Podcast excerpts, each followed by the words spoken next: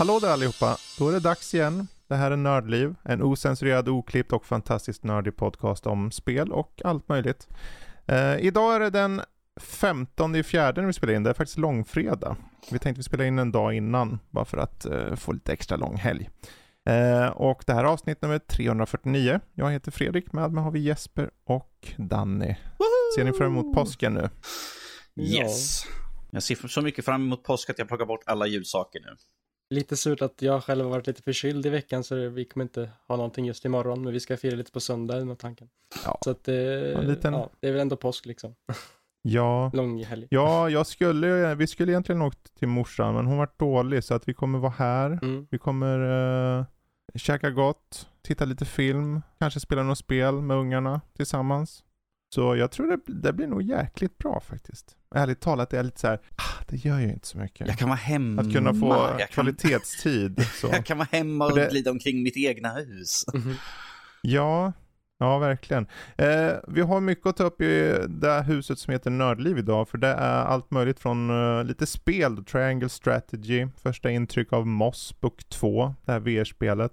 Eh, vi får se om jag kommer att prata om Elden Ring och avslutandet av det. Eh, även Slipstream har spelat, ja det finns en hel bunt med saker där, Fantastic Beasts 3 och så vidare och så vidare. Um, Men jag tänkte innan det, så bara berätta att, eh, jag vet inte, vissa har redan hittat det, men för er som finns på vår Discord så finns det nu en eh, Q&A för podden chatt. Och det är bara en textkanal och det innebär ganska kort och koncist att skriver man in en fråga där, då kommer vi ta upp det i podden förhoppningsvis. Eller som vi inte hinner med det den här veckan, någon fråga, för man vet, vi vet ju inte hur lång tid det tar att diskutera de här frågorna, då, då tar vi dem nästa vecka i så fall. Så fyll på bara med, med frågor där. Bara ös på, vad ni än undrar. Det kan vara ju också saker ni kanske har hört vi prata om. Eh, och det behöver inte vara rättningar. Vi vet att vi inte är perfekta, så det är lugnt. Men eh, om det är något väldigt fel. Fredrik, att, i ja, men avsnitt varför- 52 sa du det här. Men oavsett, jag menar, ni, ni hoppar ju bara in på nördliv.se och eh, på höger sida finns det ju en stor Discord-ruta. Tryck på connect så kommer ni in. Så kan ni vara med och skriva i Q&A för podden. Som, som den eh, chatten heter. Vi kommer även ha en eh, Discord-fråga som vanligt. Eh, vad nu den är, det kommer jag inte på, eh, vet jag inte just nu. Vi kommer hitta på det i slutet på programmet sen, så lyssna till det. Eh, men jag tänker vi kan väl börja med att hoppa in på nyhetssidan. Det har ju hänt förvånansvärt lite i veckan faktiskt, kan jag tycka. Men eh, en tråkig sak som vi river av först. Eh, för de som inte vet så har eh, Gilbert Gottfried gått, gått bort. Han var ju bland annat mest känd för uh, Jago, den här uh, papegojan i Aladdin, gjorde han Mm. röst till. Men han, han var ju en ståuppkomiker av råge. En väldigt unik sådan. Eh, väldigt bra på roasts var han också. Mhm.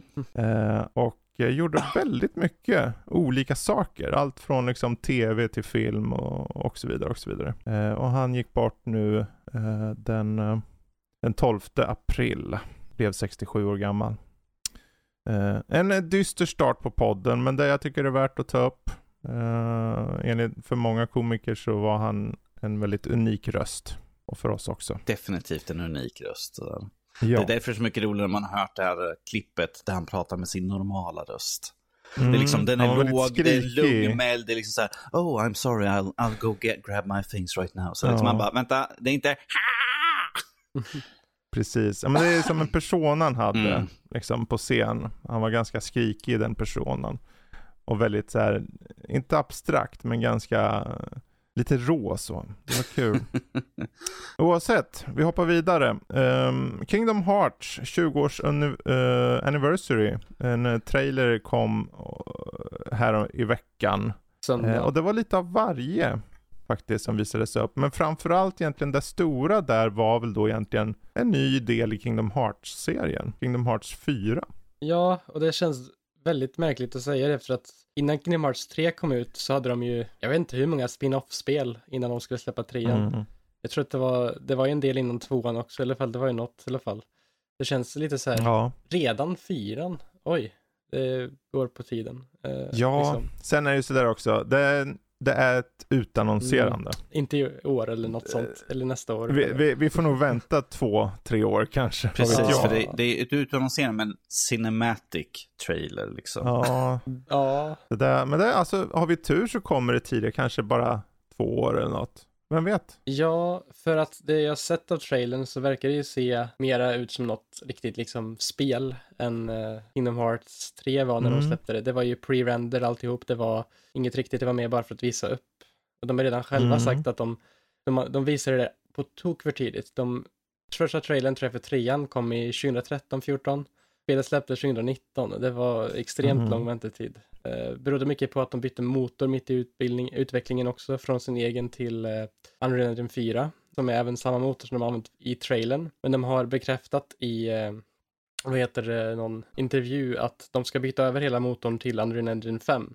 Och det betyder Mm. dock inte att spelet helt och hållet kommer behöva liksom ändra allting utan Unreal Engine 4 till 5 är inte någon jättestort kliv egentligen. Det, nej, det, det här är ju det som eh, var en del de pratade om i det här som de visade upp på Unreal Ja, vi tog Engine upp exakt det 5-presentationen. här förra veckan. Att det är enkelt Mm. att föra ett Unreal Engine 4 till Unreal Engine 5. Det är, väl tänkt, det är typ Ja. drag and drop och liksom droppar in det liksom. och- Okej. Ja, det är relativt enkelt Relativt enkelt. Ja, det är säkert lite komplicerande när jag lät, fick det att låta, men att det ska vara relativt enkelt än att gå från Mm. till exempel uh, uh, CryEngine till Unreal Engine 5, för då är det Ja, liksom ja, då helt byta från- motor. Så då då, får du liksom, göra om- "Åh, jag måste, kan inte använda några om det från assets eller något sånt. Så Då får man göra om det från scratch i sånt sammanhang. det var ju Men, det de eh, gjorde i trean då. Men det kommer inte vara så Mm. nu i fyran egentligen. Och det som är intressant utöver det i fyran är att de verkar ta någon de tycker ta en helt annan artistisk approach på det här spelet. Det verkar vara mycket mer Mm. realistiskt den här gången eftersom att Sora har kommit till en värld som enligt eh, de som spelat Melody of Memory vet kallas för typ en slags unreality, alltså typ deras fiktion, fast det är i verkliga världen för Mm. oss. Så det är lite så här kaka på kaka så, eller vad man ska säga. Ja, Eh, Kvad- precis. Kvadratum heter det, det är typ Tokyos Shibuya-distriktet där.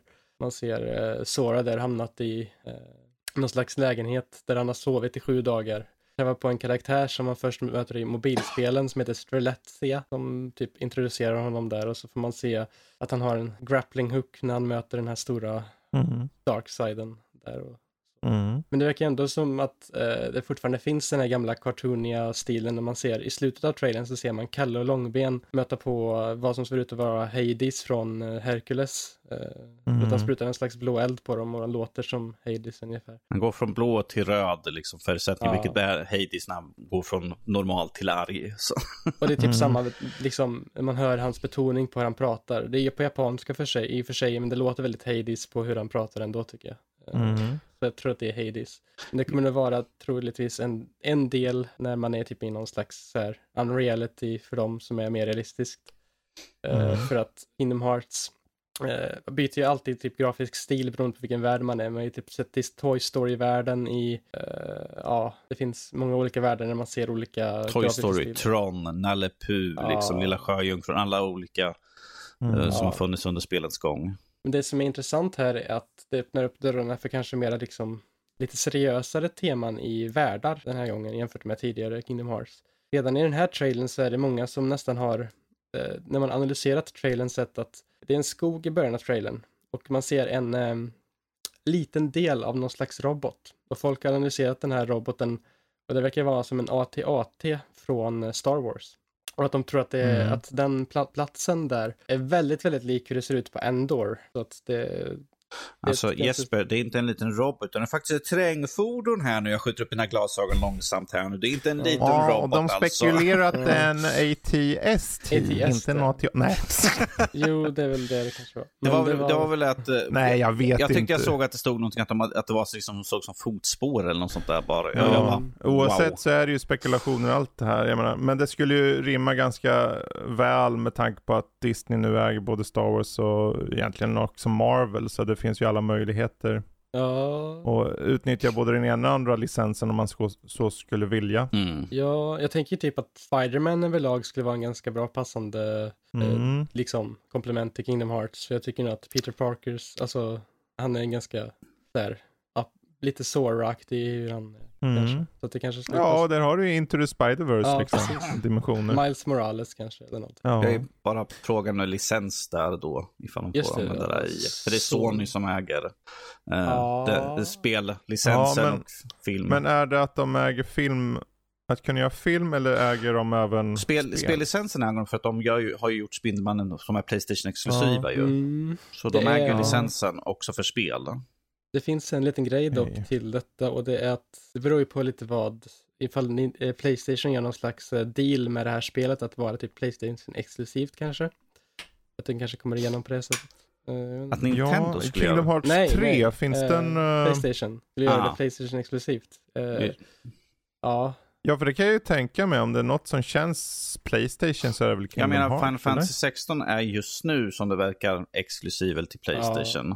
Och Epic Game Store, men det är också Playstation. Ja, Playstation. Kom Kingdom Hearts 3 till andra plattformar? yes, Ja. Xbox.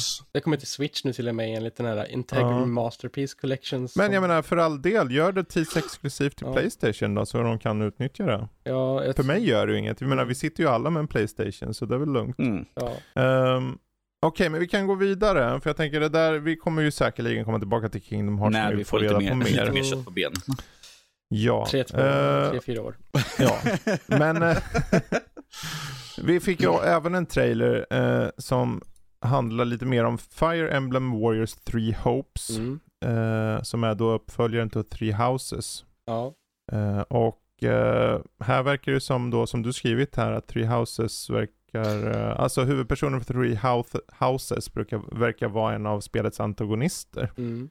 Ehm, vad fick du ut av trailern där Jesper? Jag fick ut att eh, det var, alltså i skillnad från typ så här, precis som typ Persona 5 Strikers, så verkar de här, det här Mm. spelet blanda mycket av de delarna som finns i originalspelet, eller man ska säga, med den här Mus och Warriors-genren. Till Ja, exempel ja. så får vi spela som en ny prota- protagonist här som heter Chess, eh, som är någon slags lilahårig karaktär.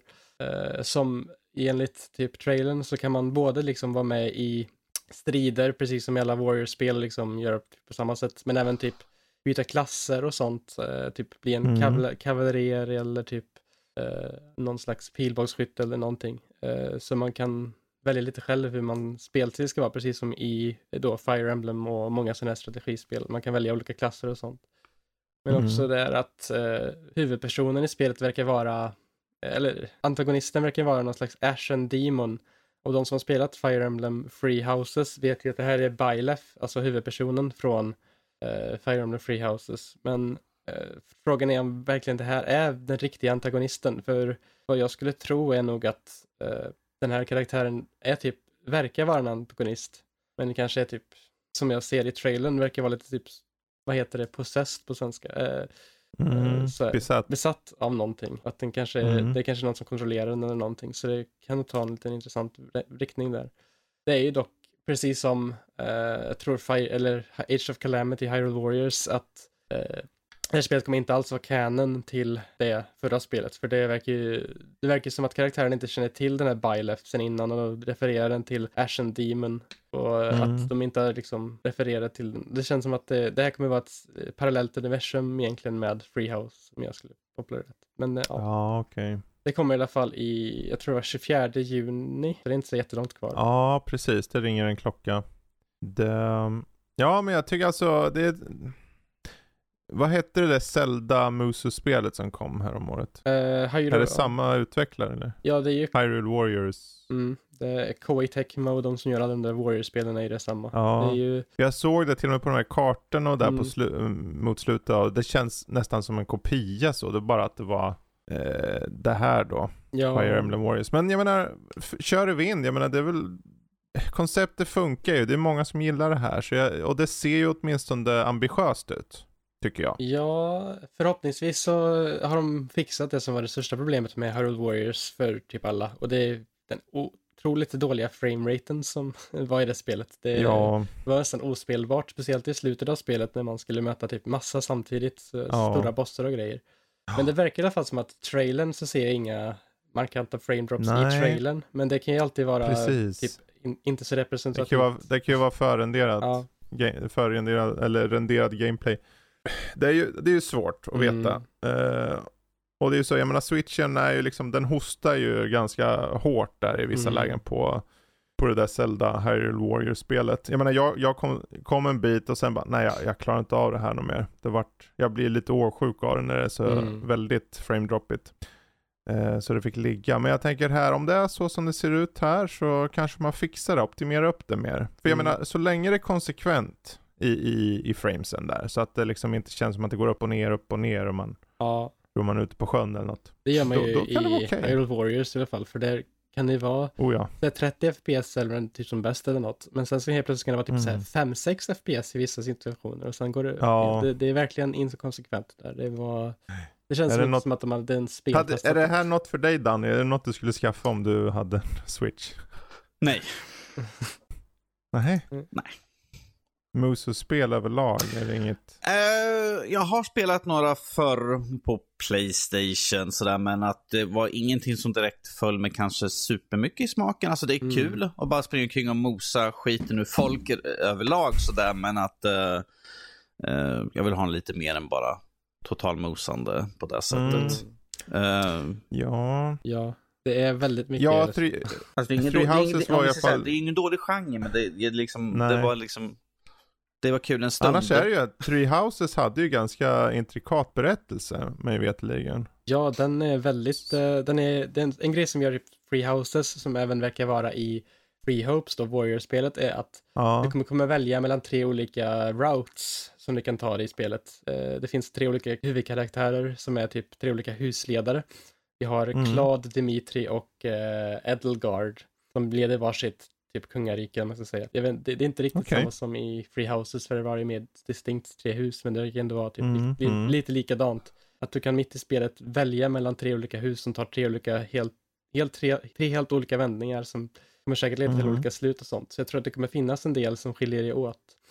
Och sen så är det ju, jag vet att, jag har inte kört det själv, men de har gjort det tidigare i Fire Emblem Warriors faktiskt. Och det ska ju vara mycket mer strategiskt eftersom att de har tagit in, in element då från Fire Emblem-spelen som till exempel typ såhär sten, sax, påse mellan eh, pilbåge, eh, svärd och häst eller vad det är. Att det liksom finns en slags strategi, strategi vilka fiender man ska attackera med vilket vapen och sådana saker. ja. Eh, vilket jag inte är så jättesäker på att de kommer ha med i det här eftersom att Free Houses tog faktiskt bort det systemet när de eh, Mm. gjorde grejer. Men det kan ju ta tillbaka i det här Warrior-spelet för att det är lite mera, tänker jag. Eh, ja, kanske. men ja, jag tycker att Free Ja, Houses vi- hade en stark story i alla fall, så jag tror att det här kan Ja. kanske vara något. Det här kan bli något.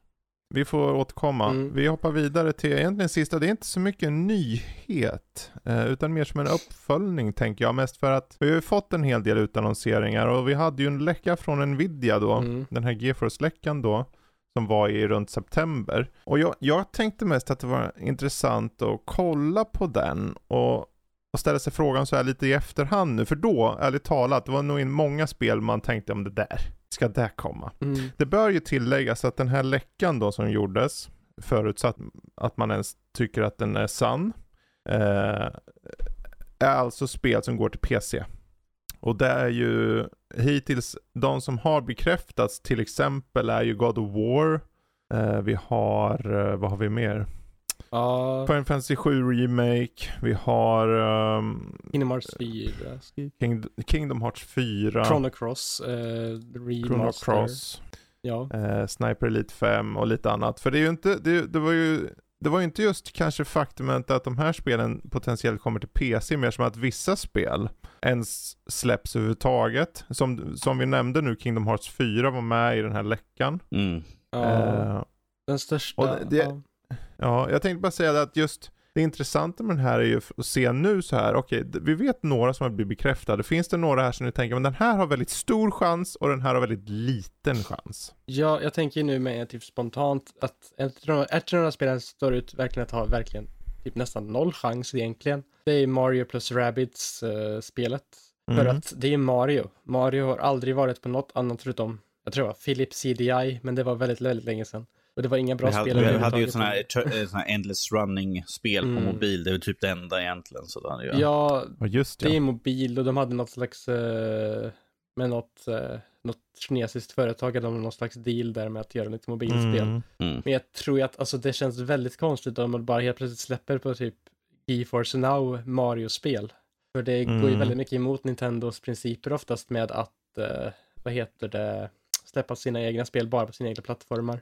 Eh, dock Ja, så känner jag att alla andra spel som är på den här listan, till exempel som är varit Nintendo-exklusiva förut, till exempel Shin Megami Tensei 5 eh, och Mm. bland annat och lite sånt. Alltså alla de spelen känns ändå som att, ja, det, det, det har nog ganska stor chans att komma på PC. Och alla Playstation-spel, till exempel God of War, Returnal, Mm. Horizon Forbidden West, Ratchet Clank, Sackboy, Ghost of Tsushima eh, och sådana saker. Det känns som att ja, alla de, de kommer nog komma till PC förr eller senare för att Playstation har satsat på ett initi- initiativ nu det senaste att ta över många av de- deras äldre spel till PC. Till exempel Uncharted, eh, God of War och lite sånt. ja för det är ju, där har vi ju något som jag är, det var ju länge vi tänkte, ja, men de kommer aldrig släppa en charter på PC. Jag kan förstå det här, sa någon, liksom, det här spelet här, fine. Och sen så flyttar de hela tiden ett steg fram, jaha, Mm. För det var ju länge man tänkte, God of War på PC, det är ju helt otroligt. Sen utannonseras det. Och sen så, ja men Uncharted på PC. Ja, sen utannonseras det. Playstation, jag har, vi har ju sett spel som släpps vid lansering mer eller mindre nu. Ja, Och, och till och med att Sony själva, för vi kunde ju utröna det bara för några år sedan när de släppte Predator Hunting Grounds. ja. Som de själva står bakom. Och det tänkte man inte ens på. Men sen när det börjar komma de stora titlarna, då bara va? Ja men de kan väl ändå inte släppa det här nu.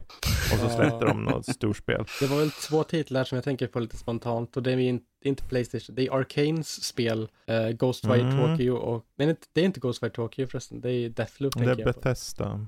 Ja, det är Deathloop. Ja, det är Bethesda Ja. överlag i alla fall. Eh, båda de två spelen, Ghostwire och Deathloop, släpptes ju PC dag ett samtidigt som släpptes på eh, Playstation 5. Så Ja. de är ju, det är ju egentligen Playstation-exklusiva spel som släpps på PC. Sen har vi Mm. även Final Fantasy 16, verkar det ju som, enligt den första trailern där i alla fall. De har ju inte visat något Mm. jättelänge på det, men att det ska släppas PS5 som en konsolexklusivt, men det ska även släppas på Epic eh, Mm. samtidigt. Jag vet inte hur det är med Forspoken. Ska det släppas bara på PS5 eller ska det släppas på PC också? Nej då, den kommer på både Steam och Epic. Okej, Den finns redan eh, tillgänglig för att förköpa. Mm. okej. Men eh, då är ju den också då. För det är ju ett Square Enix-spel liksom bara, Mm. egentligen.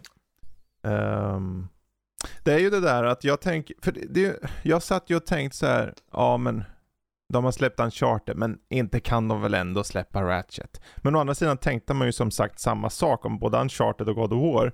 Och i nuläget, om de har släppt Uncharted så tänker jag som om Ratchet and Clank och Gran Turismo, det är definitivt inte omöjligt. Nej, det är verkligen Jag tänker Gran Turismo är nästan, det är ju en given att slänga ut på PC Ja. snarare. Demon Souls, Ja, den är ju verkligen, remaken. den är ju verkligen en sak som det, kän, det känns som att det ska kunna komma på PC. Det är väldigt mycket Soul-spelare på PC. Jag Ja. känner samma sak med Bloodborne. Jo, dock, känner jag, dock vet jag inte, vill de inte göra en typ ny version då med en 60 FPS känner jag. För att det är ju en Mm. grej på PC att man måste kunna ha det optimiserat för 60 FPS. Ja, alltså om vi ska säga, om det släpps på PC, Mm. Bloodborne, och det inte är, Mm. alltså det är hela poängen att sitta på en PC, att du kan cranka upp Mm. saker och ting. I alla fall för de PC-spelare som finns där ute, brukar det vara så, kanske inte för Ja. alla. Men eh, det, det är ju ett måste, du ska ju ställa in.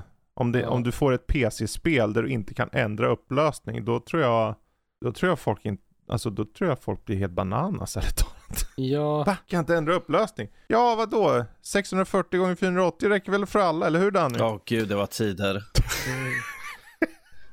12 år. Ja, 15 år ja, kanske. jag tänker Ja. komma på lite mer med eh, optimi optimisering sen när jag kommer in på av Mm. spelen jag spelat. Men... Ja. Oavsett, av de här spelen, för vi nämnde ju nu något som, vi, som du sa, Rabbit-spelet som du absolut Ja. inte tror kommer. Men finns det något du tänker, men det här, det här kommer nog utannonseras snart? Ja, jag tänker typ spontant Horizon Forbidden West. Det, eh, Mm. Föregångaren finns redan på PC. Många som har köpt det där. Det känns som en dålig grej om de inte släpper, alltså det känns som en osmart grej om de inte släpper tvåan ganska Mm. snart ändå. För att det har ju fått ganska mycket hype eh, runt omkring. Ja.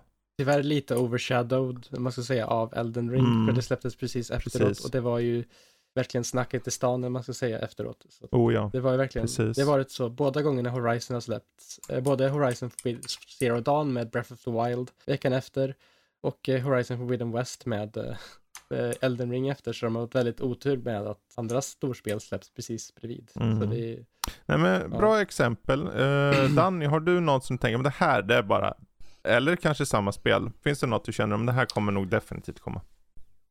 Av de som de har läckt, på påstått. påstått. komma? Ehm, åh, det är mycket bra fråga sådär.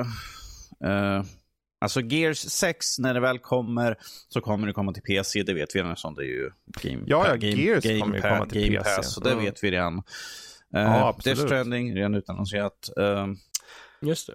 Um, Ja, Alltså om, om jag ska bara titta på de här titlarna och säga vilka jag tror mest. Så skulle jag typ, jag skulle visa på Monster Hunter, för Monster Hunter är rätt stort så där ifall det kommer till PC så tror jag att... eh, Ja, är inte Rise redan, alltså Rise Jo. släpptes ju precis nu. mm. Eh, ja. Rise kom ju. ehm, Är det sexan eller är det femman? Jag har, Vilken- ingen, jag har vilken- ingen aning vilka nummer de är på. Så, men jag, jag tittar bara liksom så här jaha, men allmänt. det så här. där, ja just det, för det där anspelar ju på en ny i serien, gör det inte det? I main-serien. jag tänker... För man får ju tänka på att den här läckan handlar ju inte bara om tidigare spel som existerar utan även spel som inte har utannonserats än. Ja, Eh, för här, i september visste ingen om Sniper Elite 5, Titanfall 3 är också en sån här, hmm, okej. Eh, Monster Hunter 6, eh, Ja. Crisis 4 var inte bekräftat, blev bekräftat här bara för någon, vad var det, några veckor sedan? Någon vecka sedan? ja. Ehm, Kingdom Hearts 4 sa vi ju tidigare. Det är ju en ja, stor grej. precis. Eh, Chrono Cross var Jag- inte heller bekräftat innan eh, den Nej. här. Och du fick Jag avnjuta skulle det säga att till Ghost Jesper. Alltså Ghost of Tsushima är ju bara en tidsfråga känner jag. Ja, jo, den är ju verkligen Det, en... det är ju bara en tidsfråga när det kommer till PC. Ja, Eh, och det är ju, det är ju det, på, på många sätt tycker jag det är så jävla nice tiden vi lever i att Sony nu börjar släppa på PC och Xbox har ju, de släpper rakt på, på Steam för de som älskar Steam. mm. Mm. Så, utan de som står ut i den här listan som jag är mer så här fundersam på, det är väl egentligen Scalebound. just det ja. Det är ju ett spel. För den lades ju ner där för många år sedan. Jo, Eh, hör. det skulle ja. vara någon har plockat upp den och bara kommit på att de, eller får backning från annat ställe eller något, jag vet inte. Jo, Och sen står det ju här Batman Arkham Underworld. Mm. Det är ju frågan om de syftar på eh, Gotham Knights där. jo. För eh, det kan ju vara, det kan ju vara arbetsnamn på de här Mm. titlarna också. Eh, Ja. Bioshock 2022. Det har de inte utannonserat någonting om än, men det kan ju fortfarande nej, komma. och det, det skulle ju kom, alltså om de säger, om det kommer nu om en månad en utannonsering och säger men i år släpper vi Bioshock, Ja, vad nu den heter. Jag skulle personligen bli ganska hype, ärligt talat. ja. Det är en av mina favoritserier. Jag skulle säga att då blir den här läckan ännu mer troligt. Men Ja, Det är bara men det är där, så här, vi ja. sitter ju nu ett par månader senare och har lite så här vetskap om vad som vi då trodde, ja men det är Kingdom Hearts 4. ja, Eller eh, vad nu det finns. Vi, det var ju många som, God of War att det ens kom till PC var ju väldigt långt bort. Och likaså Uncharted, i alla fall i september. jo. Så nu är det inte längre det. Hur, hur är det nu igen? Så- Har de, slä... de har inte släppt tidigare se... delar i serien på PC väl? Typ God of War-serien och Nej, Uncharted. nej. Så de har ju bara släppt de senaste spelen. Ja, Och precis. det är ändå De, är, lite... de har ju varit genuina exklusiva titlar för Playstation. Ja. Eh, ja, Det är lite... Det är det där. Jag tänkte bara att vi skulle hålla oss lite på det, prata lite om det och så. Jag menar ni som lyssnar, ni får gärna komma med era tankar på, eh, på den här Nvidia-läckan som var i september. Om det är något ni känner, om det där tror jag mycket på kommer komma och det kanske kommer snart, det kanske kommer långt fram. Det kanske inte kommer alls. Vi håller tummarna för City Skylines 2. Keep dreaming baby. Ja, ja. Ja. ja. alltså det, den kommer komma. Det är bara frågan om när. Ja, Men, ja, eh, Final vi- Fantasy 9 Remake. Det hade varit något. Ja, den, den har ju många eh, pratat om. Kan skippa Ja, remake det- på 8 så där, det behöver vi inte. Jo, nej. Eller jo, Nej. det, det behöver Nej. ni ju egentligen. För att det, Nej, nej, nej, nej, nej, nej, det är det sämsta utav de där Ja. tre spelen, så vi behöver inte ha det här för fem öre. jaha, jag trodde den var ganska eh, omtyckt. Mm, Personlig åsikt, Fredrik. Inte mig, Jaha. jag har testat det också. Ja, men det, du säger ju som att det är en lag norsk. Ja, det, är det är norskens lag. Okej, rent allmänt så är den väldigt omtyckt, så det vore inte konstigt om den blir en remake, eller? Nej, det, alltså, det är inte så jätte, alltså, den är inte så jätteomtyckt egentligen vad jag vet. Den är Nej, men väldigt då eh, splittrad. Men nian är omtyckt. Ja, Nian gick Nian. tillbaka till klassiskt koncept igen. För att åttan försökte gå Mm. så här hyperrealistiskt. Alltså, människor skulle se ut som normala människor. Och det... Nej, ska de se ut som människor? Nej, men alltså- ja. Åh, vad dåligt. Det går jag ju tror att inte. det största med åttan är... Snart säger du att de har dialog i tal också. Nej, det är Nej. tian.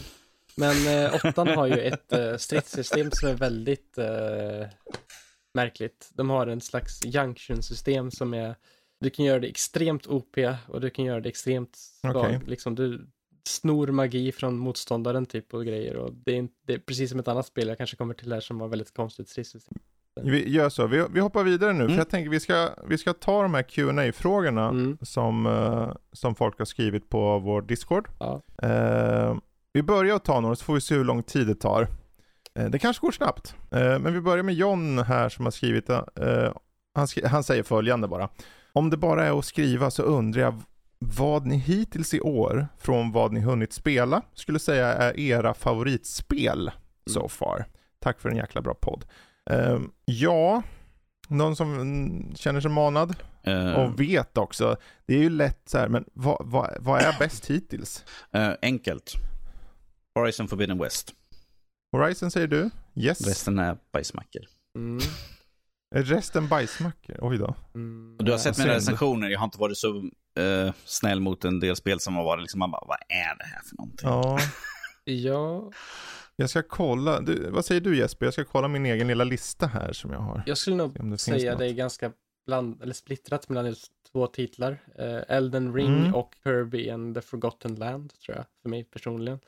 Eh, jag tycker båda spelen var väldigt innoverande för sin egna genre. Liksom att Elden Ring Mm. tog den här uh, approachen till Souls som jag inte sett tidigare. Det är mycket mera tillgängligt nu för vem som helst att klara Ja. det. Både du, både du och jag som aldrig ens kommit någon vart typ i ett jag har förstått så klarat, har klarat ut det här spelet och liksom det Mm. finns den här barriären som är Vi kan Ja. ju komma till det sen. Ja, men det är i alla fall utav jag tänkte ju snacka om Elden Ring lite Ja. sen. Det var ju en utav dem då. Och Kirby också. Att Kirby fungerar väldigt mycket, väldigt bra att bara byta från 2D till 3D som det gjorde.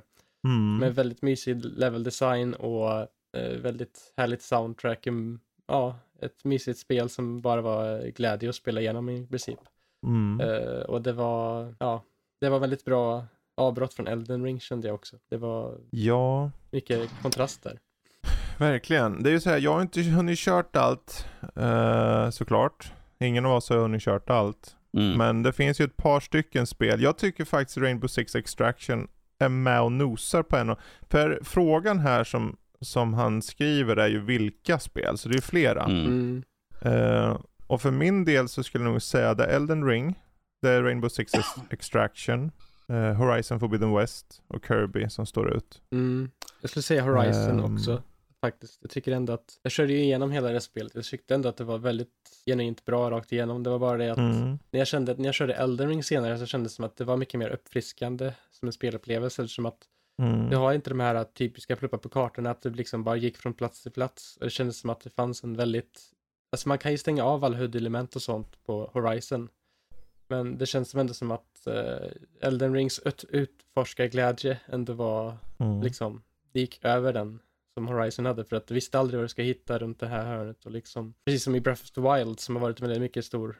Mm. Så det, ja, Ja, men där, eh, bra fråga John. Nu skrev ju John en fråga till här, så vi Mm. kommer tillbaka till honom nu ser jag. För han skriver, vilken spelplattform eller spelklient Ja. använder ni fl- mest flitigt? Eh, vet inte om ni spelat in än, men vill ändå fråga. Ja, vi spelar ju vanligtvis in på lördagar, men den här gången så blev det på fredagen bara för att påsken och allt. Mm. Spelplattform eller spelklient? ja. Vad kör ni mest på? Ja, jag skulle nog säga att jag kör mest på Playstation 5 och Switch just nu. Eh, Mm. Även om jag har alla plattformar så spelar jag inte så här jättemycket på PC om det inte är något recensionsuppdrag jag har där. Och Xboxen är bara varit extremt dålig att spela på, även om jag har haft den där Mm. hela tiden. Och en, jag tror att en stor Precis. faktor till det är att det är så extremt stort utbud på Xbox. Så att jag vet, när jag startar upp konsolen så vet jag Alltså vad ska jag köra nu? Och så börjar man typ testa någonting och så typ kör man fem minuter och sen börjar man gick till Det nästa. hjälper ju inte till att du har alla plattformar heller. Nej, jag känner så här att när, när man har skaffat någonting eget eh, eller när man har liksom eh, något recensionsuppdrag på någonting så känns det som att det finns en mycket mer liksom att köra mer på det än när man kör på ett Xbox-spel Mm. för mig. Så jag känner att jag inte riktigt haft orken att köra igenom något Game Pass-spel på länge nu. Så jag har inte använt det så Nej. jättesmidigt. Eh, eller slitigt, men ändå så typ Sen går det också perioder vad, vad som släpps på de olika plattformarna tycker jag. Eh, typ 2020 så var det knappt eh, jättemycket Switch överhuvudtaget. Det var kanske, det var Mm. Xenoblade och lite Animal Crossing typ. Och Mario, Paper Mario. Men sen så kom det ju Mm. ingenting mer. Då var det mycket Ghost of Tsushima och Last of Us Part 2 och lite sådana saker på Playstation Mm. eh, 4 då. Så det har ju verkligen, det är perioder peri från period till period. Vad som släpps till de olika plattformarna som har en väldigt Precis. stor. Jag, jag tror nästan du talar för oss alla där, för vi har ju privilegiumet kan Mm. jag säga, att kunna spela på flera. Ja, Det är ju få förunnat. Eh, och de flesta har ju, jag menar sitter du på bara en Xbox så är ju Game Pass en guldgruva. Du Mm. bara går till spel till spel. Eh, det är ju det där när man får ett enormt bibliotek, eller flera bibliotek. För min del, eh, som frågan är vilken spelplattform eller spelklient använder ni mest flitigt? Jag säger samma som du, det är väldigt periodvis olika. Eh, på sistone har det blivit väldigt mycket Playstation. Och det är på grund av Elden Ring, var där jag hade den. Hade det varit på en annan, då hade jag säkert varit med väldigt mycket på den plattformen. Eh, men det har varit där och sen var det väldigt kort och intensivt på switchen. Och men switchen är väl egentligen den som ofta står stilla mest för mig. När det väl är något så brukar jag bara mangla igenom det i handhållet och sen är jag klar. Eh, annars är det på PC-sidan, ni säger ju spelklient, då är det väl, ja, hmm. På sistone, då skulle jag nog säga att jag kört mest på Uplay. Mest för att jag försöker komma på vilka PC-spel jag kört. Jag kommer bara på Far Cry. Jag har ju säkert kört mer, men jag kommer inte på just nu. Eh, Uplay och Steam är väl de, antar jag. mm. Um, Danny? Uh, ja, det har väl mest blivit Playstation här också för att när vi plockar in spel så brukar vi vanligtvis plocka in Playstation för att flera har den plattformen till oss recensenter. Uh, om det inte kommer in en Xbox-kod bara så liksom, vi är väldigt få, då blir det du eller jag, Fredrik typ, eller Jesper sen som tar den mer eller mindre Mm. för att bli de som Mm. faktiskt sitter med en Xbox också. Annars blir det väl PC också och, mestadels är ju bara i recensentsyfte då. Mm. Och jag skulle då säga Steam som klient då, för Ja. att det är det mesta vi får Ja, in på. precis. Eh, ty ty och tyvärr är ju liksom den som jag sitter minst vid är den som jag vill sitta mest vid, för det är där jag köper mina egna spel och det är till Xboxen. Så. Jo, men alltså, det är någonting med Xboxen. Alltså, det känns som att även om man vill typ plocka upp och köra någonting på den så blir det typ aldrig av känner jag. Det är bara, men det är bara f- Ja. för mig egentligen. Kanske. Ja, men där John har i alla fall svar på tal. Ja. Eh, vi hoppar vidare till Isak som skriver, vad för spel skulle ni ta med er till en öde ö? Och då förutsätter jag att i det här scenariot så finns det el på ön då. Mm. Så säg något tv-spel. Vi tolkar den som ett tv-spel. Oh, Ja. det, här, det, här, det här tycker jag var ganska enkelt. I så fall skulle jag faktiskt ta Elden Ring för att då måste jag köra det. jag har inget annat att göra. Jag måste köra det och då är det liksom, jag kan få ut massor av tid för jag kommer dö en hel drös i så fall. Ja, så. ja, det är nog inte så dåligt val faktiskt. Ja. Eh, eh, Om det inte vore, ifall inte Elden Ring hade kommit just nu så hade jag ju sagt något Souls-spel för att jag, jag har så svårt för dem. Jag dör bara så. Då, är- då är det Mhm. tillfälle för mig att get good. Ja. Okej. Ja, Jo. ja jo, det, är, det är ett bra sätt att tänka. Mm. Jag skulle nog säga Final Fantasy 14. eh, Eftersom att det har ex- så extremt mycket content i det spelet. Du kan ju levla Mm. jättemycket karaktärer, ta jättemycket tid. Okej, så vi har Story- ström och internet. Ja, st- okej. eh, storyn Den är jättelång. öde ö. Den öde... Ja, storyn är jättelång, det finns jättemycket sid- sidouppdrag och allt möjligt. Eh, Det är 4G där. Det är 4G. Ja. Det är 7G, Eh, den, den bra ja.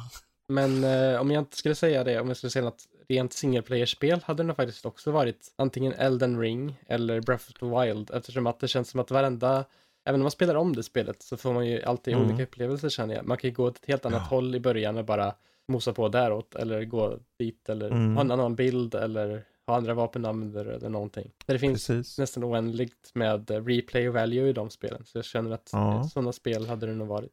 eh, Nej, nej, nej. Jag kom på, jag kom på ett bättre svar. Jag skulle ha World of Warcraft. För att kunna säga så här, hjälp jag fast på en öde ö, där jag spelar med andra i ett, Ja. i ett gäng. Liksom. Kan någon komma och rädda Du mig? skriver i Du skriver i chatten. jag är Ja. fast på en öde ö, kan någon komma? Jag har dock internet. Eh, Det är en mini-fridge här som ser ut som en Xbox som jag har med Super Let's så det är ingenting Vänta nu, så du är på en öde ö med palmträd och allting. Du har en minifridge och typ en dator med internet och helt fri på ön. Alltså jag tror jag stannar kvar. Ja. Jag tror jag bor där nu. För min del, jag hade haft med mig antingen Civilization eller City Skylines typ. Snälla låt mig, För låt mig inte vara på för samma ö som Fredrik, för då kommer han vilja spela med mig. Civ liksom. Du kan köra om dig i vindlighet. Ja, Det är Alltid långa spelsektioner. Ja, långa eller korta. Mm. Man gör lite som man vill. Eh, kul fråga dig Isak. Fortsätt att komma med era frågor i den här chatten. Ehm, vi kan ta här, Hassan skrev också, vilka fem filmer ser ni mest fram emot i år? Jag har redan Ja. förberett. Ja, jag kan börja här. Yes. Jag har The Unbearable Weight of Massive Talent med Nicolas Cage. Där han spelar Nicolas Cage. Eh, Doctor Strange in the Multiverse of Madness. Eh, Everything Everywhere All At Once med Michelle Yeoh. Och Spider-Man Across the Spider-Verse Part 1. Och eh, Thor Love and Thunder. Det är de Ja. som jag har. Danny då? Yes, jag har Doctor Strange in the Multiverse of Madness som kommer 4 maj. Jurassic World Dominion som kommer 10 juni. Minions Berättelse om Gru 1 juli. Thor Love and Thunder 6 juli och Spider-Man Across the Spider-Verse Part 1 som kommer 7 oktober. ja. Jesper, Eh, vad ska du se för någonting då? Jag ska se Doctor Strange, Multiverse of Madness, uh, 4 maj. Eh, Everything, Everywhere, All at Once. Uh, Mm. jag också se, tänker jag. Spider-Man Across tror the. Spider-Verse, eh, Part 1 i oktober tror jag det var. Lightyear Mm. skrev jag också, det verkar intressant. Okej, ja. Eh, och sen Jujutsu Kaisen Zero också. För den serien Ah. är väldigt bra. Just det. Ja, jag har en vän också eh, som är väldigt insatt i det, så jag tror att han kommer tränga med mig på den sen. Ja men där har du Hassan, jättebra fråga. Kul fråga. Fort kom, fortsätt kom med dem. Eh, vi har Billy här då, eh, sist men inte minst. Eh, early access-spel. Spela tidigt eller vänta på färdig produkt. Mm. Eh, tänker spontant på Baldur's Gate 3 som är early access med första akten tillgänglig. Å andra sidan, å ena sidan eh, vill man ju spela spelet så snart som möjligt, men samtidigt vill man ju kanske inte spoila sig själv. Eh, fast det kan vara ett kul sätt att följa och påverka utvecklingen också. Vad känner vi? Eh, Spela tidigt eller vänta på färdig jag produkt? väntar. Jag tar till, till exempel, vi har ju Postal. Mm. Superduper early edition som de hade. Det var liksom hål i marken, du kunde Ja. trilla ut kartan och allt sånt där. Emil liksom, vad fan är det här för någonting? Ingenting funkar i kartan. Sen... Det värsta med det här spelet är att även när det blir version 1.0 så är det ju skit. Ja, jo, troligtvis.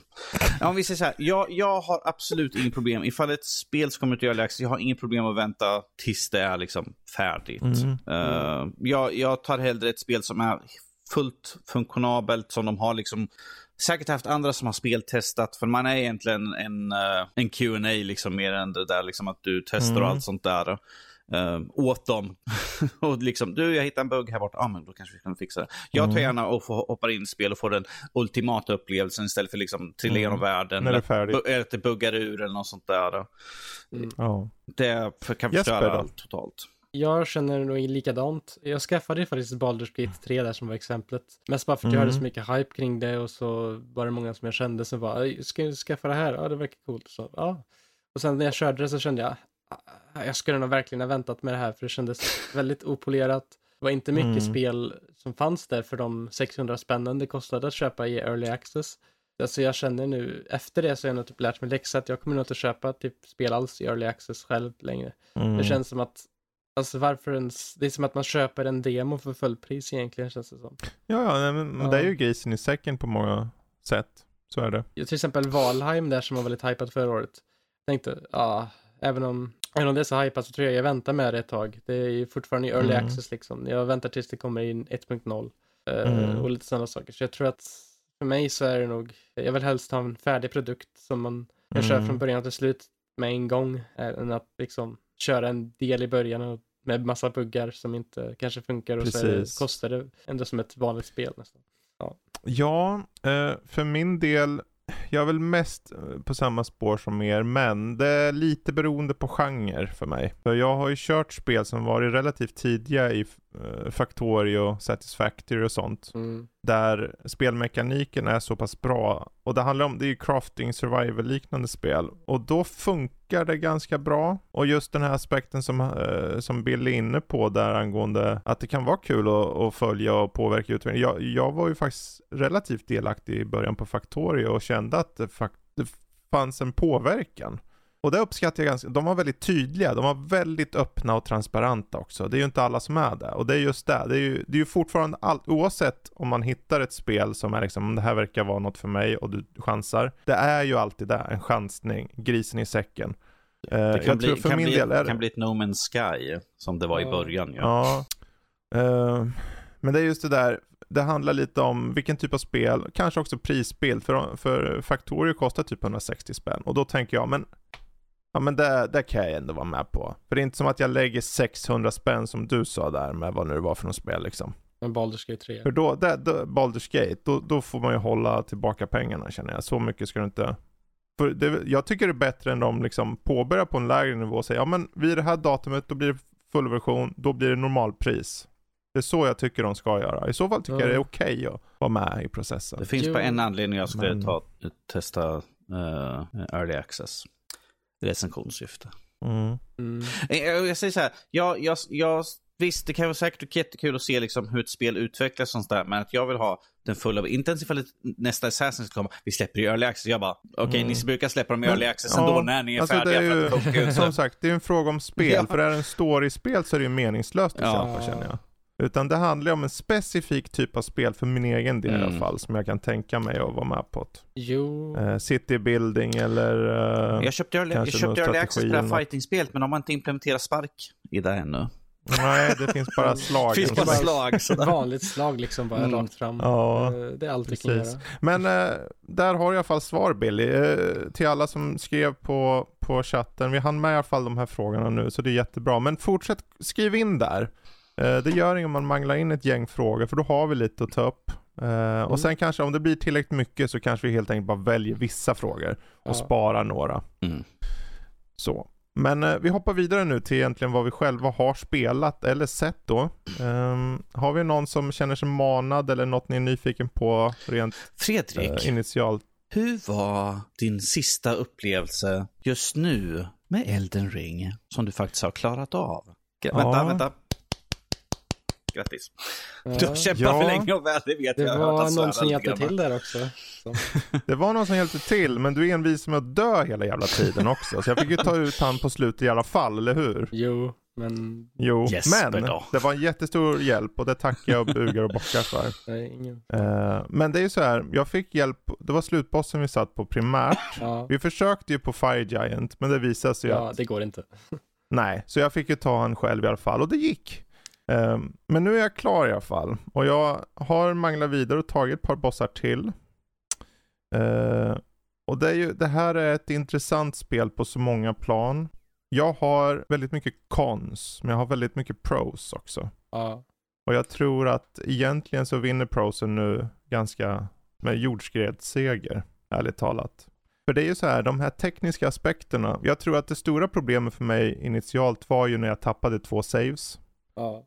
Uh, och sen så var jag bara rädd att de skulle försvinna, den sista då, när jag bara höftade och körde.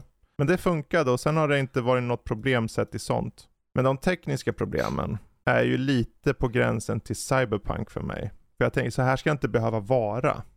Uh, men när spelets nerv konstant gör sig påmind för mig och jag finner mig själv utan runes. Jag har ingen så här, det är inte som att jag, det gör inget om jag dör, men ändå har jag hela tiden den här skakiga känslan när jag går in i en jävla grotta och jag inte vet vad som är bakom hörnet. Det gör spelet för mig. På ett sätt som uh, jag inte har känt på länge. Det var sist uh, Dread. Ja. Metroid Dread. Um, och det är just den här att du då, jag vet inte om folk tycker att det är fegt att ta in summons. Eller uh, hur det nu är med det. Men de har ju uppenbart gjort spelet mer tillgängligt med det här. För i början kände jag ju spelet som att det var väldigt otillgängligt. Ja. Men det, sen så körde jag mig in i det och nu känner jag nästan tvärtom. Jo. Att de har gjort för Souls vad som behövdes. Det är open world på ett sätt som, okej okay, det här är balansen ni behöver ha. Eh, sen är det såklart, jag känner det finns en del bossar som, vissa är relativt enkla och vissa är så svåra så att det är, jag vet inte, det finns en balans-issue som de behöver fixa till på vissa saker. Mm. Men just den här upplevelsen är genuin. Den kräver tålamod. Jag förstår den nu. Och när jag fick den eh, uppenbarelsen, jag tror det var, det kanske var redan i mitten av spelet någonstans. Eller mot Fire Giant när jag väl tog den. För det var mycket timmar efter det som jag kört. Och då bör det tilläggas att Fire Giant är ganska sent i spelet. Ja, alltså Fire Giant är ju ett specialfall tror jag. för han hjälper inte att ha någon summon överhuvudtaget eller något sånt. För att Nej. eh, grejen är, du måste ha ren skill för just att klara honom. Och så finns det även grejen med att han är så extremt stor så det är svårt att se vad han kastar ner sin sköld på dig eller om du liksom står rakt under hans fot och bara smashar ner dig på golvet eller någonting. Mm. Men, Men det är ja, överlag med de här stora, eller de som flyger, som drakar som jag försökte på med sistone, så här, man ser inte var de tar vägen. ja, Och det är ingen idé att, det är omöjligt att locka on på dem också. ja, Eh, jag känner det med det. En boss som vi mötte, jag ska kanske inte specificera det, men det var ju mot slutet där. Eh, som Mm. eh, var en stor boss som flyttade runt hela tiden och Mm. kastade projektiler på en så man inte riktigt kunde eh, veta vad man skulle göra riktigt. Och grejen var ju att det funkade ju bra när jag typ tog all sån här projektilgrejer ifrån dig, för då kunde du bara Mm. stå där och kötta på och så. Men eh, ja, för mig, jag körde ju också igenom hela Elden Ring, jag tror inte jag sagt det i podden, men jag körde ju också klart det spelet. Och jag Mm. tror jag fick den uppenbarelse nästan redan efter jag hade dödat Godric i början av spelet. Mm, För det var, Margit i början så var det, det var en stor roadblock för mig att ta mig igenom Mar- Margit. För första dels så var det liksom, jag hade inte gjort så jättemycket innan jag gick till Margit. Jag följde mest de här uh, Sight of Grace som ledde till Margit i början.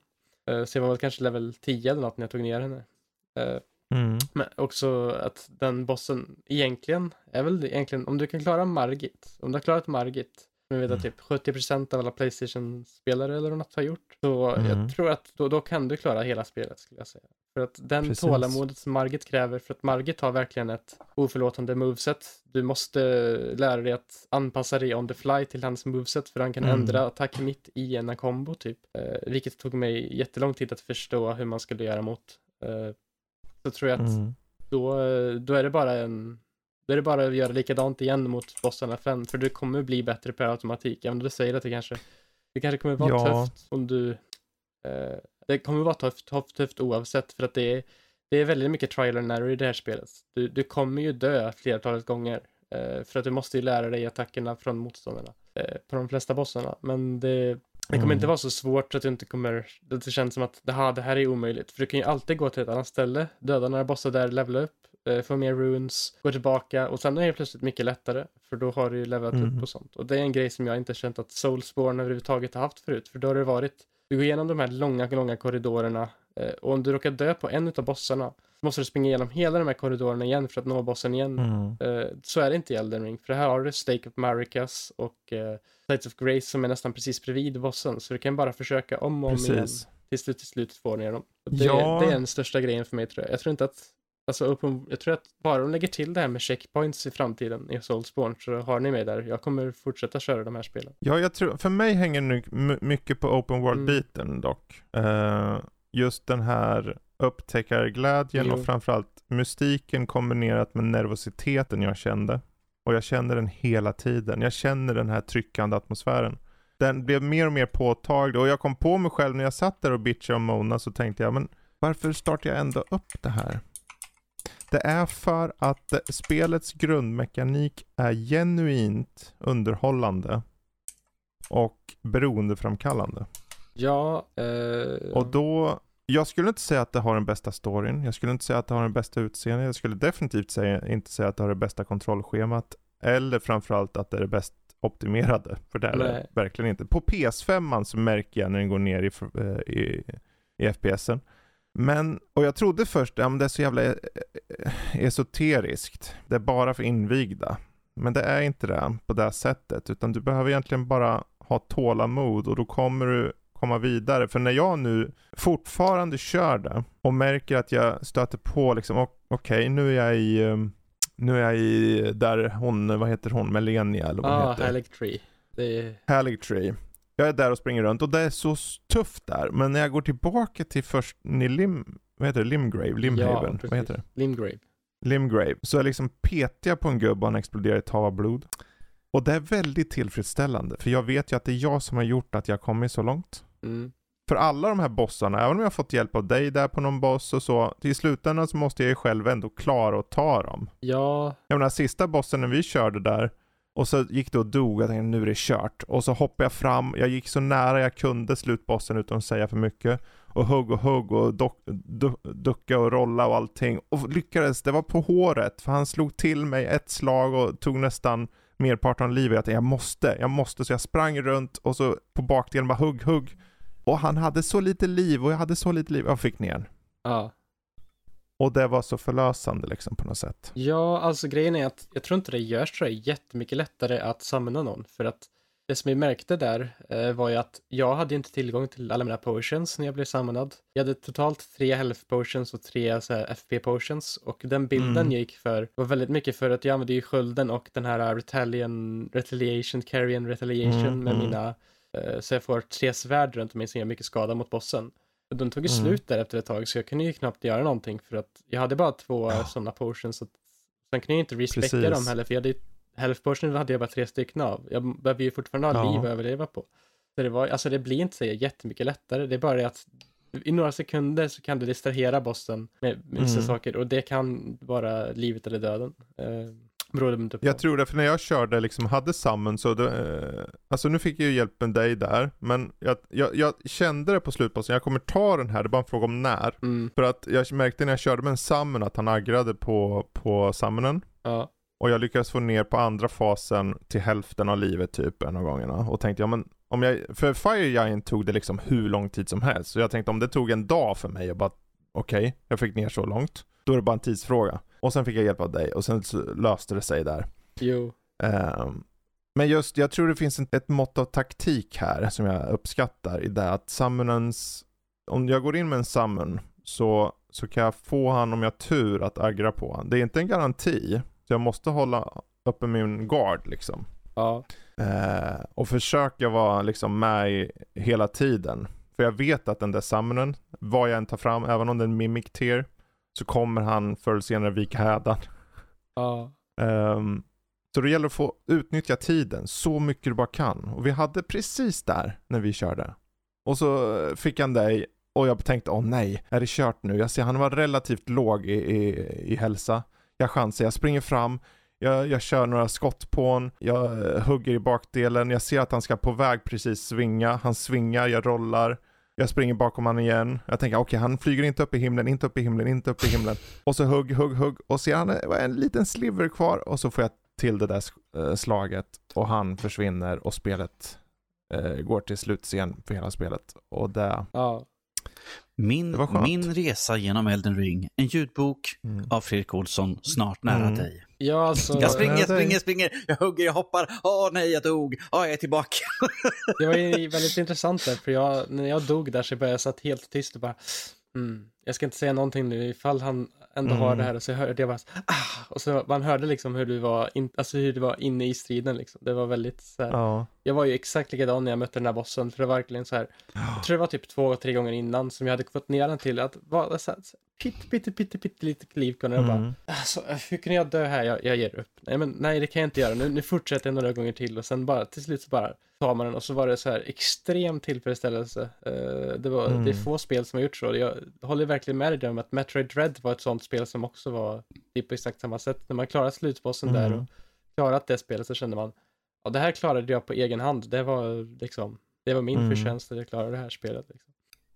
Precis. Och det är inte jättemånga spel som får just den känslan att man ja. har. Ja.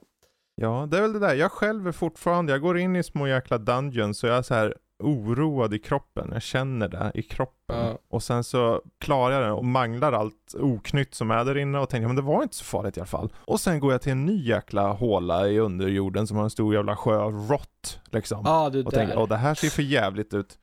Och så manglar man där lite och så, "Ah, men det kanske inte var så farligt. Och det hela tiden får jag den där känslan i kroppen.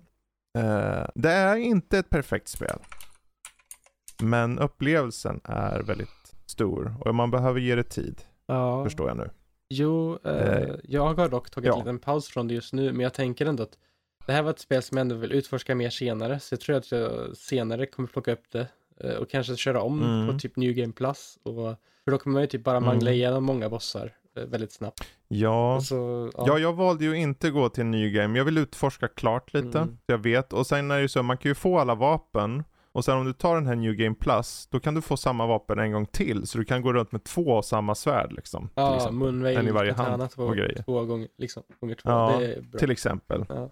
Så det, det är ju, ja vi får se om jag, jag vet inte om jag har där riktigt tålamod att köra Nej. om det. Men eh, om å andra sidan sitter jag ju nu fortfarande och kör det lite. Och tar några små bossar som jag någorlunda lätt kommer åt. Bara för att jag kan så. Du- Plus att jag utforskar. Du får bara sju minuter på dig. Ja, sju Ja, timmar senare. Alltså jag kommer ju, Seven, jag kommer seven hours later. Kommer ju ihåg där när vi nådde Capital i början där, eller in, inte i Mm. början men mot slutet typ så sa, bara, så sa du typ så här, jag kanske ger mig här, jag kanske ger mig här och sen typ en dag senare så här, "Ah, jag kanske ger mig här, jag kanske ger mig här och sen typ Mm. nästa, nästa dag bara, kan du hjälpa mig med slutbossen? Och så bara okej. Ja. Ja. Han är sån. Han bara, jag, jag tar en Precis. paus från Det här spelet. Sen det sitter han spelar hela det dygnet värsta- runt. ja, jag tror mycket hängde på att du klarade spelet där på ett sätt. Jaha. Eller mycket, en viss del. För det är så här, okej, men han har ju klarat det. Jag, och han sa att jag inte var så långt ifrån. Alltså jag, om jag bara tar den här. Ja. För jag tänkte jag skulle skita i det Fire Giant. Jag utforskar världen. Det är ju inte som att jag inte har kommit långt då ändå. Det är Nej. mycket längre än många andra säkert. Eh, Peppar peppar. Så jag tänkte, ja men jag hade nöjt mig. Men sen jag, hade, sen jag klarade den och sen så flöt bara, bara de här andra bossarna på. ja, Och sen var jag vid slutbossen och jag kan ju inte sluta vid slutbossen. nej. Nej. Så då var det ju bara en fråga om att ta den. Ja. Men Och så blev eh, det. ja, alltså jag kände likadant faktiskt, precis sagt, sagt samma. För jag var också fast vid Fire Giant, jag vet inte hur länge jag var fast där. För det kändes som att i början så gick det inte alls bra, då tog jag knappt nästan in Mm. någonting, men sen så gick det bättre och bättre och bättre och bättre. Men ändå så var det liksom, man dog på saker man inte riktigt visste vad man skulle göra mot och så var det liksom, det var en rejäl uppförsbacke för just den bossen. Och jag kände typ, ja, ah, om jag ändå klarat den här, om jag ändå kommit så här långt så har jag ändå spelat ett bra tag. Jag har typ kört 50-60 timmar redan. Så det är liksom, jag har ju Mm. fått ut mycket av det här. Jag Ja. kan ju ha mycket för Men sen så bara, jag kommer förbi Jo, ja. och så bara, jag kör väl lite till och sen, ja, och sen Alltså- plötsligt så hör jag typ Elden Rings main-tema i en boss och säger, ja, det här måste ju vara slutbossen. Så, eh, Ja. Ja. Ja, om vi säger så här, jag har 150 timmar på det. mm, Eh, och det är ju för att när jag fick en vägg, då tänkte jag men nu kan jag utforska. Jag går tillbaka och utforskar. Så tar jag liksom och dammsög områden mer eller mindre. ja, I och med att man är en gammal open world-spelare. Eh, och då fick man ju gå upp automatiskt lite. mm, Sen var jag alltid, jag, min taktik är alltid detsamma. Ju fort jag närmar mig en ny nivå, okej nu ska jag inte, jag ska inte chansa något. Tillbaka till en Site of Grace, utnyttja det. Och sen känna, okej nu har jag inga runes, nu kan jag dö om det så. Och så blev det så. Så jag levlar ju hela tiden, mer eller mindre. Jag vill inte, jag förlorar inte, jag vill inte förlora något. jo, alltså det var ju Typ lite intressant där också för mig. För jag var typ alltid nästan så hela tiden. Direkt när jag ser en Sight of Grace, gå tillbaka till den och bara levela upp så mycket du kan. Men det Mm. var en grej där jag fick jättemycket runes fick jag från eh, Fire Giant. Men när jag, när jag Mm. vet det, besegrade Fire Giant, jag dog när jag besegrade honom för han sköt ut någon eld. Så jag dog precis Ja. i framen när han besegrade mig. Och så när jag skulle gå upp till nästa ställe eller vad det nu var och skulle hitta en Sight of Grace. Eh, så råkade jag ramla ner på vägen så jag tappade alla de runorna som jag skulle få där. Eh, och då blev det Mm. verkligen så här, ah, varför? Men eh, det gjorde inte så här jättemycket egentligen för när man, det, nästa boss var ganska snart inpå den gav nästan lika mycket runor så det var liksom, ja det gör väl inget. Ja, Även om, nej ja, precis. sen, ja, Ja, jag har ju varit med om någon gång så där, för i början så hade jag så här, åh nu har jag jättemycket runes, så var jag dum nog att gå ner i en grotta och så tittade lite på någon gubbe som stod som en stenstaty. Men Mm. den där var konstig, och så högg han huvudet av mig typ. ja, Ja, det var lite surt och sen gick jag ner igen och försökte rädda och ta tillbaka den, men då högg han huvudet av mig igen. ja, Så. alltså jag skulle säga att det här spelet är väldigt mycket som eh, faktiskt eh, Breath of the Wild i hur det hanterar liksom svårighetsgradsprogression på något sätt. För att vad jag kommer ihåg det spelet så var det liksom i början av spelet, det var ändå ganska så tufft när du inte hade vapen och sånt att klara vissa av Mm. grejerna. Men ju mer du kör så desto liksom starkare blir du. Även om i det spelet Mm. blev allting jättelätt när du fått jättemycket grejer. Det var liksom Mm. slutbossen, allting, det var ju ingen problem. Eh, Det var mest i början då. Precis. Men det är typ samma sak att du går tillbaka till slut, börjadområdet och du får liksom, eh, ja, bara manglar saker. eh, Ja, och det är ju, det är ju jag kände likadant. Jag menar, vi har ju sett så i typ Skyrim och Ja. liknande spel. Där man bara, åh, där står en jättestor jätte eller någonting. Jag vågar inte gå in, eller en drake som man gjorde. Och då sket man i den. Och sen kommer man tillbaka senare i spel och bara, ursäkta draken? Det bara, ja. Och så fupp, av med huvudet.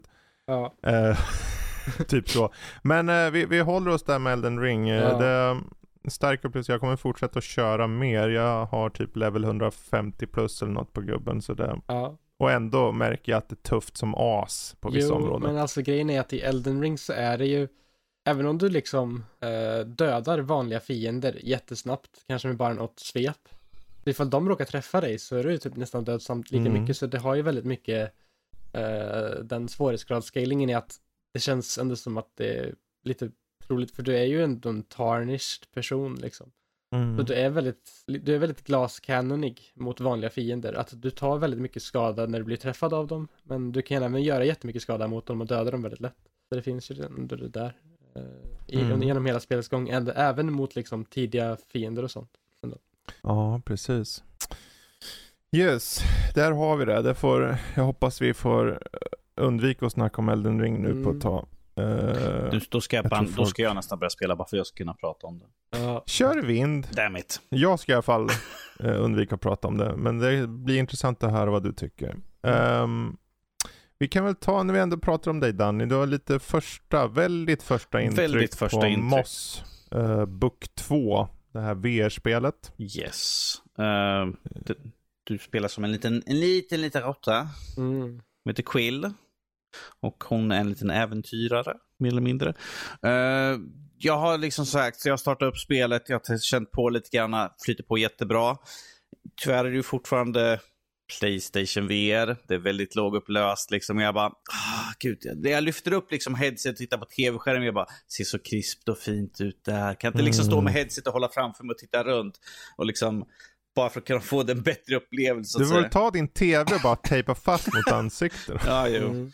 Ja, det skulle ju verkligen vara någonting. Nej, alltså det verkar ju mysigt än så länge. Kontrollen verkar eh, väldigt tight. Det, det, du styr och slår och rollar egentligen. Det är mer eller mindre. Men att det är väldigt funktionabel och eh, liksom, du använder liksom... Som, jag var ju nödd att låna en Playstation 4-kontroll av Fredrik för att eh, Playstation 5-kontroller funkar inte. För de har ju inte den här lightbaren på fronten. Så att eh, den kan inte se. Och eh, Move-kontroller funkar inte heller för de har inte så att du kan röra Quill. Eh, för det finns ju inga Mm. thumbsticks på eh, Move-kontrollerna. Så det är lite tråkigt så att jag irriterar mig lite grann på det. Jag bara, varför kan jag inte bara få ta liksom peka liksom, gå hit, gå Mm. dit. Så istället för att jag ska nödda styra själv. Liksom, gå dit ifall det kommer någon hugg lite granna. Alltså det verkar, verkar mysigt än så länge. Um, jag kommer väl som vanligt vandra. Men det är ju, bara för att förtydliga, det är som ett diorama Det- och du ser från håll den lilla karaktären och styr den Precis. med handkontrollen på det sättet. Eh, finns, Du är inte musen. jag är alltså. inte musen, nej. Och när, eftersom jag står liksom utanför eh, så kan jag liksom Mm. Kliva runt, titta in och se ifall det finns hemligheter som de hade i första spelet. Eh, Mm. Man kunde hitta hemligheter ifall man tittade runt. Liksom. Ja, men vad finns i den här alkoven? Ja, men titta, det ligger någonting där. Då går jag dit med Quill och plockar upp det. Så. Mm. Det är sånt Jo. som är lite kul att kunna göra. Jag har hört att första spelet ska vara väldigt uh, hyllat ändå för ett VR-spel. Eh, Väldigt populärt spel. Eh, Det är väl ett av de, ett av de populäraste VR-spelen på Playstation, skulle jag säga nästan. Det är, är Mm. Playstation exklusivt va? Eller? Mhm. Så det, Det var där ursprungligen, Det finns på Steam också. Ja. Det är ju lite det där Eh, synd. det har ju Ja, kommit. precis. Det är lite synd alltså att det ska vara fast på första Playstation VR, måste jag säga. Att, för den upplösningen på den skärmen är ju den är inte alls nice. Det märkte jag ju, jag recenserade ett spel som heter Yuki. Jag har inte kört på VR på jättelänge. Och så bara, det ser väldigt, väldigt suddigt ut här. Ska det verkligen se ut så här? Men Jag, ja, fun, det- jag, fun, jag, jag funderar, jag bara, har jag kontaktlinsen inne? Jo, det har jag. Ja, men alltså det var, det kändes, alltså det känns som att de, det, det kommer att göra så mycket bättre nu när Playstation VR 2 kommer om de faktiskt har ett ordentligt eh, Mm. headset med ordentlig upp, upplösning i sina headsets. För det är liksom, det här är, går inte riktigt i dagens standard. Nej, precis. Det, tyvärr. Men det, alltså, det, jag antar bara att när du väl börjar köra efter ett tag kommer man ju in i Jo, det liksom. så är det ju. Uh, Ehm, ja. Det märkte jag med Yuki till exempel, när det kört ett tag så var det, Ja. nu ser det bättre ut men det ser fortfarande inte jättebra ut. Men det går Nej. ändå liksom. Alltså jag känner ju samma sak, för jag kör ju uh, Valve Index. Och jag tänker också, jag vet att det är liksom bra upplösning och så, men det är fortfarande så här, men det är ju lite oskarpt där. Ja. Det är inte, för man är ju så van med hur det ser ut på skärmen liksom. Ja. Men det är fortfarande liksom ganska bra för att vara ett VR. Men ändå sitter man där. Men, men jag är nyfiken på PSVR 2. Men det är kul att höra med lite första in. Vi får ju återkomma till Vi det här längre fram. När du har... nästa vecka i så fall. Precis. Bra. Men eh, Triangle Strategy då? ja. Jesper? Vad är premissen på det då? Vad, vad, vad handlar det om? Det är ju ett nytt eh, så här, 2D HD-spel av de som gjorde Octopath Traveler. Uh, fast till skillnad från det, som var mer ett traditionellt turbaserat JRPG, så är det här mer av ett strategi-SRPG, där du styr Okej. eh, liksom på en grid och du liksom flyttar runt trupper och lite mer strategiskt så med olika, du kan ha olika höjder på karaktärerna ifall du står med en pilbågsskytte högt uppe på en liksom hög höjd och skjuter ner så gör den mer skada. Och lite sådana, Mm. mycket strategielement och så kan du liksom använda olika slags spells för att till exempel eh, sätta eld på planen eller typ frysa planen eller något sånt. För det, det finns väldigt Mm. mycket element av strategi här. Eh, premissen är väl egentligen att det är ett stort krig som har ägt rum. Eh, Salt Iron War kallas det för. Det är tre olika liksom, fraktioner eller eh, ja, hus eller vad man ska säga eh, som liksom kämpar för att få saltet. Det är Glenbrook, Glenbrook eh, vad heter det? Glenbrook, S. Frost och eh, High Sant som är tre stora liksom, ja, stora kungadömen egentligen som eh, har Mm. krigat länge. Eh, men eh, nu så, vad heter det, har varit fred i många år. Eh, men sen så träffar en eh, person från Glenbrook som heter Sarah Noah som ska bli kung. Träffar prinsessan um, Frederica från S. Frost och så ska de bli ihop men sen så blir det en attack från S. Frost på Glenbrook och så tar de över slottet och så ska de försöka få tillbaka det och så tar de med sig den prinsen från S, eller från S. Frost tror jag eh, Roland och gömmer honom och grejer och allt möjligt. Så det är väldigt mycket politiska intriger, mycket liksom undersöka, eh, prata med folk, göra dialogval som påverkar storyn eh, framöver. Eh, du har ett eh, väldigt intressant system som heter The Scales of Conviction, när du får, du har liksom ett möte med dina karaktärer som eh, bestämmer hur storyn ska vidare. Det finns olika i början finns det två val du kan välja mellan som olika, som du ska få olika personer att uh, gå med dig på. Uh, liksom. Uh, så, så det kan vara liksom, gå till det här stället och göra den här grejen eller göra den här grejen här. Så är det olika personer som är med på att göra de olika sakerna så ska du försöka övertala dem att gå med på den sidan och vill att de ska gå med på. Och sen när du har gjort det och pratat med dem så ska det vara ett, eller så blir det liksom att de får rösta på det de vill göra. Om du, om du, har, om du har gjort rätt val då i dialog så får du dem att eh, liksom vara med på den sidan du vill och så går storyn i den riktningen du vill. Eh, Mm, så det är lite okej. intressant där eh, med det systemet tycker jag. Men det är en sak som eh, storyn och så, det är intressant. Jag tycker det, det känns som att det är en ganska trovärdig, eller typ premissen känns ganska intressant och så. Men det som stör mig mest är på hur extremt mycket dialog de har emellan gameplay-sekvens. Även om det kan vara intressant ibland så känns det ibland bara så här, orkar jag verkligen med dialog nu? För det är liksom, du går från ett story-event där det bara är en massa dialog i typ så här 15 minuter till ett till story-event med typ lika mycket dialog och sen så tar det typ Vissa kapitel är typ nästan bara dialog och sen är det typ en strid på typ en kvart. Så det är verkligen, det känns som att striderna och sånt är intressant och kul, men det känns som att det är väldigt mycket dialog. Det där lät väldigt Sword Art Online som jag recenserade för ett par år sedan. Dialog, dialog. Åh, jag får springa runt. Åh nej, jag råkade prata med någon. Damn it.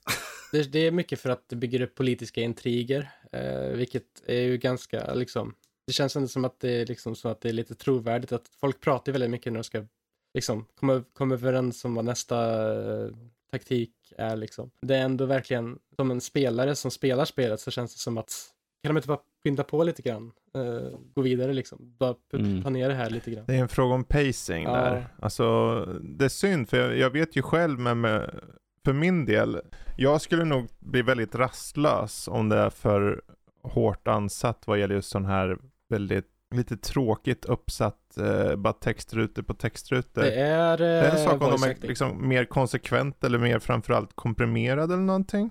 Ja. Fine. Men eh, om det bara malar på. Ja, som tur är allt Eh. voice-actat är det. Så det är ju en, Mm, en positiv aspekt. Men det känns ändå som att de har dragit ut på det lite väl mycket uh, egentligen. Mm. Eh, för spelet är ganska långt. Men ibland så känner jag bara att ork, eh, jag typ pausar upp i mitt i dialogen och kollar på något annat eller någonting. I typ Ja. några minuter och sen går jag tillbaka till för jag känner att det är bara dialog nu, det kommer vara hur länge som helst. Orkar jag det på en gång? Ta in all den här informationen, det känns lite så här. Mm. eh, jag måste ha ett litet break från det liksom mitt i. Eh, men när det verkligen kickar igång så är det verkligen ett riktigt bra spel. De, har- de har ju verkligen Mm. De har ju, det är Square Enix kanske just nu mest pålitliga studio på sätt och vis tycker jag ändå. Eh, för de har ju gjort Octopath Mm. Traveler som var ett väldigt tajt spel. Även där fanns det ganska många segment där det var väldigt mycket dialog om jag minns rätt. Så det, de har ju lite det där, men spelmekaniken och sånt är väldigt tajta i dem tycker jag. Och det, ja, jag som inte är så jättebra på strategi-RPG, jag har inte kört så många innan i alla fall, så blir det verkligen Mm. eh, en slags nerv ändå när man kör striden att ja, Mm. vad ska jag göra nu? Vad ska jag liksom, hur ska jag sätta ut den här för att det ska vara gynnsamt? Och sen så får du ju också nya karaktärer genom spelets gång som joinar ditt lag. Så du kan ju få en veteran, en gammal pilbågsskytt som hjälper dig. Eller någon slags healer som healar en hästrytt, en ryttare och ja, Mm. väldigt mycket olika. Så det finns ju ofta variation där. Men det känns ändå som att det är ganska repetitivt i uppdragsstruktur för det går från en så här händelseevent på kartan till nästa händelseevent på kartan som kommer liksom och en, sen spelas en cutscene då som säger liksom recapar allt som ska hända och liksom sånt. Mm. Det är lite som en storybook på det sättet. Um, Okej. men det är ändå så ett Det ganska... låter som en uh, överlag ett bra spel ändå. Jo, liksom. det är det. det är... Fre- Fre- Ja. Fredrik, jag, jag, tycker, jag tycker det är bara skönt att höra att vi slänger på Jesper så många olika genrer och sånt där så att han, han, han, han, får, han får testa på så mycket nytt sådär som en annan liksom. Hade, när vi hade- var i Jespers ålder var det liksom så här, ja, men du ska köra det här strategispelet va? Nej. Nu är det liksom, du ska göra för att du ska recensera. Okej. Ja, det här seriöst. Jag tycker det är bara kul att Jesper får så mycket nya upplevelser liksom hela tiden för Ja. att vi slänger på lite med nytt. Speciellt också när han går liksom uh, utbildning för liksom spel och sånt. Ja. Så, Ja, jag lärde ju faktiskt nyligen, för vi gör ju så här dialogsystem i skolan, att det finns en sak som heter tweet-principen och det är att varje dialog ska typ helst ha typ så här 150 tecken innan du ska byta till något nytt, men det här har det inte så. Okej. Nej, nej. Eh, men ja. Och det här spelet är ju faktiskt inget recensionsspel, för jag var nyfiken på det så skaffade jag det själv. Nej, nej, nej, men jag menar liksom Ja. att eh, vi sätter ju väldigt mycket åt alltså, bilspel Mm. som du bara, "Vad- är det här för någonting? Ja, jo. eh, det är, men det är lite kul. Det är ju ett bilspel hittills. Det är ju Ja. kanske dumt att Jo. Säga att hela genren är utifrån det sättet kursa liksom. Eh, men ja, bra. Uh, vi kan ju snacka mer om Triangle Strategy längre fram tänker jag, för du kommer nog mangla vidare. Och jag kan ju riva av lite snabbt då, för jag har ju kört Slipstream. Mm. Och Slipstream är något så enkelt som en så här arkad-stilaktigt racingspel av den gamla sorten. Och då snackar vi så här tidig outrun. Alltså paral vad heter det? parallax eh, bakgrunder som rör sig och Mm. det är handmålat och det ser så här 90-tal ut deluxe. och det har så här synthwave musik. Och det är, det är precis vad det är. Det är det, är det och inte mycket mer. Du, du ska bara liksom, det, där de har fört in i det som är lite modernt, att du kan, eh, du kan flashbacka, du kan backa liksom i tiden. Så att, säg att du kör på in i väggen och så flyger din bil liksom sju varv. Då kan du trycka på en knapp så rewindar du fem sekunder, du har max fem sekunder på dig. Mm. Ehm, det är nytt för den, den här typen av spel.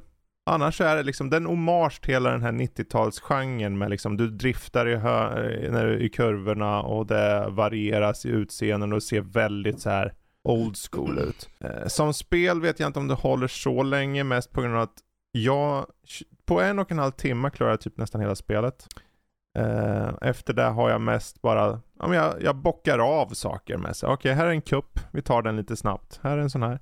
Eh, det är inte som att det är helt så här, superenkelt. Ibland så är det så här, det, de kommer förbi dig över målgången och du sitter där, men herregud, jag har kört in kvart nu Mm. på det här. Och så kommer en precis innan sista sekunden här och tar och bara kör förbi mig. Jag har vunnit alla andra deltävlingar innan, liksom 15 deltävlingar och på sista. Då är det lite surt. Mm. Lite surt. Men det har också Cannonball Run till exempel. Då åker du ett race och sen kommer det sen men får du avatarer framför dig. Då liksom, ja du kommer inte ta mig. och sen så liksom åker du förbi en i 140 liksom utan problem. Eh, och sen på nästa deltävling så är det en annan avatar. Och sen har du Grand Tour, det är liksom en slags roadtrip då. Du åker långa avstånd och så kommer avfart och säger vill du svänga vänster eller höger till olika typer av banor. Så väljer du vilken bana du vill åka till. Och sen åker du fem sådana så du klarar hela typ touren. Och single race och time trial, battle royale, typ elimination. Alltså du, du ska bara, de sista längst bak, de försvinner och du ska komma först i mål. Det är ett väldigt enkelt spel. Jag, jag, om man gillar den här typen av äldre spel, som Outrun eller Jaguar XJR eller vad alla nu heter. Eh, då kan det definitivt vara värt att kolla in det. Men det kostar typ 8 euro. Det är inte mycket. Och, nej, och det är väldigt, det är snyggt för vara den här genren. Okej okay musik. Och det verkar vara en sån här pet project liksom från utvecklarna. De, vi, vi brinner för den här klassiska spelstilen. Vi gör ett sånt. Det har mm. funnits ute länge på, på Steam och så. Eh, det kom nu till Xbox i, i dagarna här. Så, men där har ni Slipstream. För er som gillar lite som retrovurmare där ute. Mm. Man kan sätta på massa så här filter och få det se ut som en gammal uh, eh, CRT-skärm om man vill. Åh oh, gud, vem vill göra det? Och slå ut, ja. och slå ut liksom 4-3-plösning.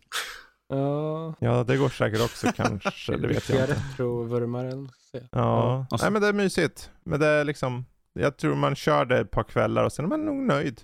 Mm. Känner jag i alla fall. Om man inte drar dit en kompis och trycker ner dem i soffan så liksom spelar man Ja, med. alltså det är ju två till fyra spelare lokalt. Mm. Det är det ju förstås. Och då är det four player split screen. Perfekt för ditt mm. hushåll Fredrik. Sådär. Ja, precis. Vad som kanske inte är lika perfekt för ett hushåll, det är väl uh, Chrono Cross Radical Dreamers Edition? Eller är det det? Uh, nah. Kanske är perfekt för vem som helst. Det skulle jag nog inte säga, för det är ju ett enspelarspel för det första. Uh, du spelar ju som oh. en karaktär. Uh, det släpptes ju här i, här i veckan så släpptes ju en ny version, en uh, remaster av det gamla klassiska Playstation RPG Chrono Cross. Mm. Uh, som en uppföljare till, uh, vad heter det, en av de mest hyllade JRPG-spelen någonsin. Chrono Trigger, som även är en av mina favoriter själv. Så jag hade ganska ändå höga förväntningar om att, ja, ah, det här är ändå en uppföljare till det, hur kan det vara? Och sen körde jag lite grann och bara, vad är det här? Jag har ingen aning vad jag ska göra eller någonting. De har ingen tutorial på något. Du har en screen i början som säger typ mm. button layouts. Den måste man ju fotografera typ eller ta en screenshot på med en gång så man har den. Så jag, jag, gjorde, jag glömde mm. att göra det i början så jag fick starta en ny save för att bara göra det och sen tog jag bort den saven och så gick jag tillbaka till gamla. uh, bara för att okay. ta kort på den. För de har ingenstans där det säger vad du ska göra för de olika knapparna. Nej, nej, nej, nej. För det är ett väldigt intressant, väldigt, väldigt annorlunda stridssystem i det här JRPG jämfört med många andra. Du har inte vanliga level up-grejer så att vanliga random encounters, eh, eller så inte random, utan overworld encounters, för inga random encounters precis som i Chrono Trigger. Eh, de kan ge lite stat upgrades i typ HP eller någonting bara, men de gör inte att du går upp i level, utan det finns så här stjärnlevels som du enbart får från bossar. Så då finns det en liten, då finns det en väldigt eh, hjälpsam, eh, typ såhär quality of life-grej. Att du kan stänga av sådana encounters så du inte behöver strida mot någon sån. Vilket hjälper mm. ganska mycket. Eh, men eh, ja, premissen kort och gott är att du spelar som Surge, en pojke som är i, en ung pojke som eh, drömmer om en dröm när han träffar på en tjej som heter Kid och de infiltrerar något typ drag Dravanian Palace eller någonting. Har ingen kontext till varför han gör det eller någonting och sen så vaknar han upp och så verkar det vara på låtsas och sen så träffar han sin barndomsvän Lina som pratar om ja, jag hoppas att vi kommer ihåg varandra för all framtid och sen typ helt plötsligt så transporteras han till en annan värld eh, där han har dött okay. när, för tio år sedan. Eh, han har drunknat där när han var barn. Uh, och uh, Lena i den här versionen, eller den här dimensionen blev bara, uh, du, är ju död sedan tio år tillbaka och sen så börjar det så. Uh, Men du är ju död ju. Ja, kan du inte hålla på komma tillbaka. Men jag skulle allt som allt säga att det här är verkligen inte jätte, alltså de har inte gjort alls mycket för att vara en remaster alls. De har till exempel AI-uppskalat bakgrunderna så man nästan känner sig illamående, i alla fall när jag, när jag är inne i striderna, för att det blir liksom så här karaktärsmodellerna jämfört med bakgrunderna som typ flyttar runt på sig överallt, samt, även om det är typ turn-based, ja. så man mår lite så här, vad är det här? Och sen även att du får verkligen inga förklaringar ifall du inte läser texten jättenoggrant om vad du ska, eh, om du, vad du ska liksom. Så när du, pra- när du försöker ta dig vidare i spelet så känns det så här, du måste nästan kolla upp en guide för det går typ inte. Eh, Du måste typ springa runt i, liksom, du vet inte vad du ska göra eller någonting, eh, känns det som. Eh, de inte hjälpt så jättemycket med det. De har lagt till så att man kan speeda upp tiden så det går snabbare. Eh, men det är bara Mm. en speed up mode liksom som många sådana här remasters har. Eh, Så du kan springa omkring ännu snabbare och inte veta vart du Ja. ska. Jo, lite så. Eh, du kan även ha en overpowered mode. Så att du aldrig kan bli träffad, till exempel. Eh, I strid, så du kan aldrig dö om du vill. Eh, men ja, överlag så är det, alltså, det är inte den bästa remastern alls. Det känns som att de lagt väldigt lite tid på den, även om de ska typ ha bildat upp mycket från scratch. Så Mm. att, ja, nej, de, de kunde gjort det mer med det här spelet. Det enda som jag tycker är riktigt nice med spelet är musiken. Det är Yasunori Mitsuda, han som har gjort originalspelet. Eh, som har remasterat soundtracket och det låter väl riktigt bra. Eh, men Mm. utöver det så, nej. Det här är inte alls på samma Mm. sätt som Chrono Trigger för mig. För det spelet var verkligen, även om det är så här gammalt så var det liksom, det var konstant framåtrörelse kändes det som. Visste, man visste vad man skulle göra. Även om man kanske inte visste helt och hållet vad det man skulle så kunde man ändå lista ut det ganska lätt. Det var inte så jätte... I annat, fall, I annat fall kunde man ju prata med de andra och de bara, vi kanske Ja. ska röra oss bort hit sådär för att det Ja. såg ut att finnas något intressant där borta. Ja, så kan man inte riktigt göra i Chrono Cross. För där finns det även kruxet att du måste rekrytera andra karaktärer. För du kan ha upp till 45 party members som du kan rekrytera helt ut- ute i det vilda liksom. Mm. Man säger. Eh, och ibland i vissa dungeons. Eh, den senaste var ju till exempel så behövde jag typ rekrytera en karaktär på andra sidan kontinenten som jag hade kanske missat om jag inte hade gjort det här. Och så bara, varför har de gjort så här? Det känns så dumt egentligen för att det är ju inte ens med i storyn utan du måste göra det här ändå för att komma vidare i spelet och de säger ingenting som hintar till det här överhuvudtaget och det blir liksom, ja, Chrono Trigger hade ju den här liksom du hade typ fyra, fem party members i spelet. Det kändes som att alla hade en karaktärsutveckling på något sätt. Alla, alla karaktärer var minnesvärda på sitt sätt och unika. Men så här så känns det som att många är typ reskins av varandra och de har typ ingen personlighet vissa av dem bara för att de ska ha så många som möjligt liksom. Ja, det är- vad tråkigt. Det är lite Men jag trist. lovar, de är alla unika. Det är blått skelett, det är gult skelett, Ja. det är rött skelett. De är unika allihopa. Ja, det finns, det finns ju såklart några som typ sticker ut. Det finns ju någon clown som heter Harlequin eh, och lite sånt där. Det finns ju karaktärer såklart som är viktiga, men det är ju ändå, det känns så övermäktigt med så många karaktärer, eller det känns som överdrivet mycket karaktärer bara för att vara överdrivet Mm. mycket karaktärer. Eh, jag vet att det är många som, de som har liksom verkligen gillat det här spelet, är, spel, är, är folk som är frälsta redan från början tror jag. De som Mm. gillar det från början kommer gilla den här utgåvan, men om du inte har gillat förra eller har kört förra så tror jag att du kommer nog se de här bristerna ganska lätt. För jag har, eh, jag, jag har hört från många andra sajter som har sagt ungefär likadant som jag har sagt när det gäller de här tekniska aspekterna och att det är så uråldrigt, eller man ska säga, föråldrat. Ja, precis. Eh, och de aspekterna kan man kanske se bortom om man har kört igenom spelet typ tio gånger innan och vet om exakt allting för att man har kört det innan. Men för en ny spelare så kommer det nog vara väldigt svårt att komma in i spelet bara för att det har de här aspekterna som moderna spel inte har riktigt. Mm. Ingen quality of life-uppgradering där ju så. Som till exempel Chrono Cross, som jag, eller Chrono Trigger som jag körde igenom bara för några år sedan. Och där kände jag att det hade ju knappt ens några sådana här Call of Duty Life-grejer här överhuvudtaget, för det hade redan den här liksom stabila grunden som den hade från början att stå på liksom. Mm. Så det behövdes egentligen inte. Och spelet såg bra ut som det gjorde Ja. och liksom sånt också. Så det var, ja, det är lite synd alltså, för att Eh, det, ja, vad kan man göra liksom? Det är ju vad det är. Mm. Men det är ju... Eh, men Ja. Chrono Cross, The Radical Dreamers Edition, Det kan edition finna- kanske ja. inte... det kan finnas en aspekt Ja. till att säga dock som är ganska Ja. som är typ den största anledningen till att man kanske köper den här om man har kört tidigare. Och det är eh, att det finns en helt nytt spel som inte riktigt, som inte kom hit i, i väst förrän nu. Det släpptes i Satellaview på SNES, alltså ett tillägg som bara fanns i eh, Japan eller det var, i, öst, eller i Östasien Okej. i alla fall. Och det är ett textbaserat äventyr eh, som är en uppföljare till Chrono Trigger egentligen. Eh, du spelar som eh, huvudkaraktärerna i Chrono Trigger. Eh, Mhm. Surge, eller Chrono Cross, Surge och Kid eh, bland annat. De ska infiltrera The Viper Manor för att hitta The Frozen Flame som det kallas. Och det är ändå ganska, det, det tycker jag ändå funkar ganska bra för det är liksom det finns liksom strid-encounters så du måste, giss, du måste tänka lite så hur ska jag göra för att gå på den här striden i textform liksom och sånt. Det är ganska intressant upplägg där. Det känns inte som att man var fast sig jättemycket heller. Det var Mhm. ganska uppenbart på sätt hur man skulle göra. Och det hade en ganska nice tie-in till Chrono Trigger i slutet. Då. För det var ändå, ändå ganska bra upplevelse. Jag skulle ändå säga att alltså The Radical Dreamers är ändå en ganska, alltså nice. Eh, jag körde det först också, utav allt. Jag visste inte om de här Mm. karaktärerna, att de var med i Cross också. De, de har ju nämnt eh, den här Radical Dreamer eh, textäventyret som en liksom sägen i Chrono Cross-världen. Så att det, det finns Mhm. ju canon där, så det är det som knyter ihop Trigger och Cross mer eller mindre. Det är ju lite spännande i alla fall. Ja.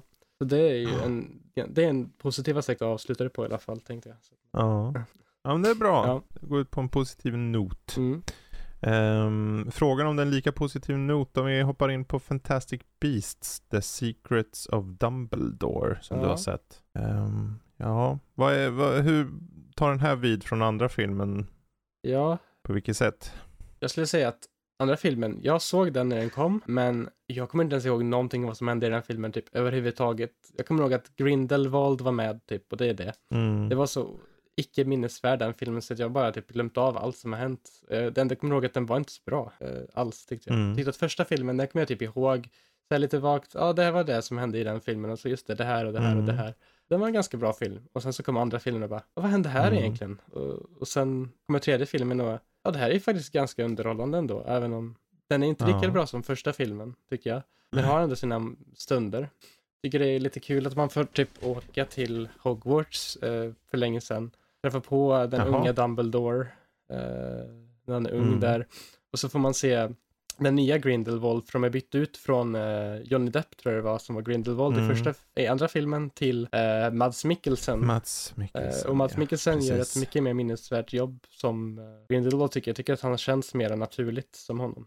sätt. Mm. Eh, det fanns stunder i den här filmen som jag fortfarande kommer att komma ihåg. Det finns scener som är väldigt roliga, eh, kan man säga. Mm. Jag inte ska säga så jättemycket om storyn, men jag skulle säga att ifall du gillade den första filmen och du gillar karaktärerna där, Mm. men kanske ändå inte gillade, du kanske inte gillade andra filmer precis som mig, så skulle jag ändå säga att det är värt att gå på den här. Även om den kanske har fått Mm. lite mixade kritik, för att det, den har väl fått mycket för att den har lite o, osammanhängande stories och sånt.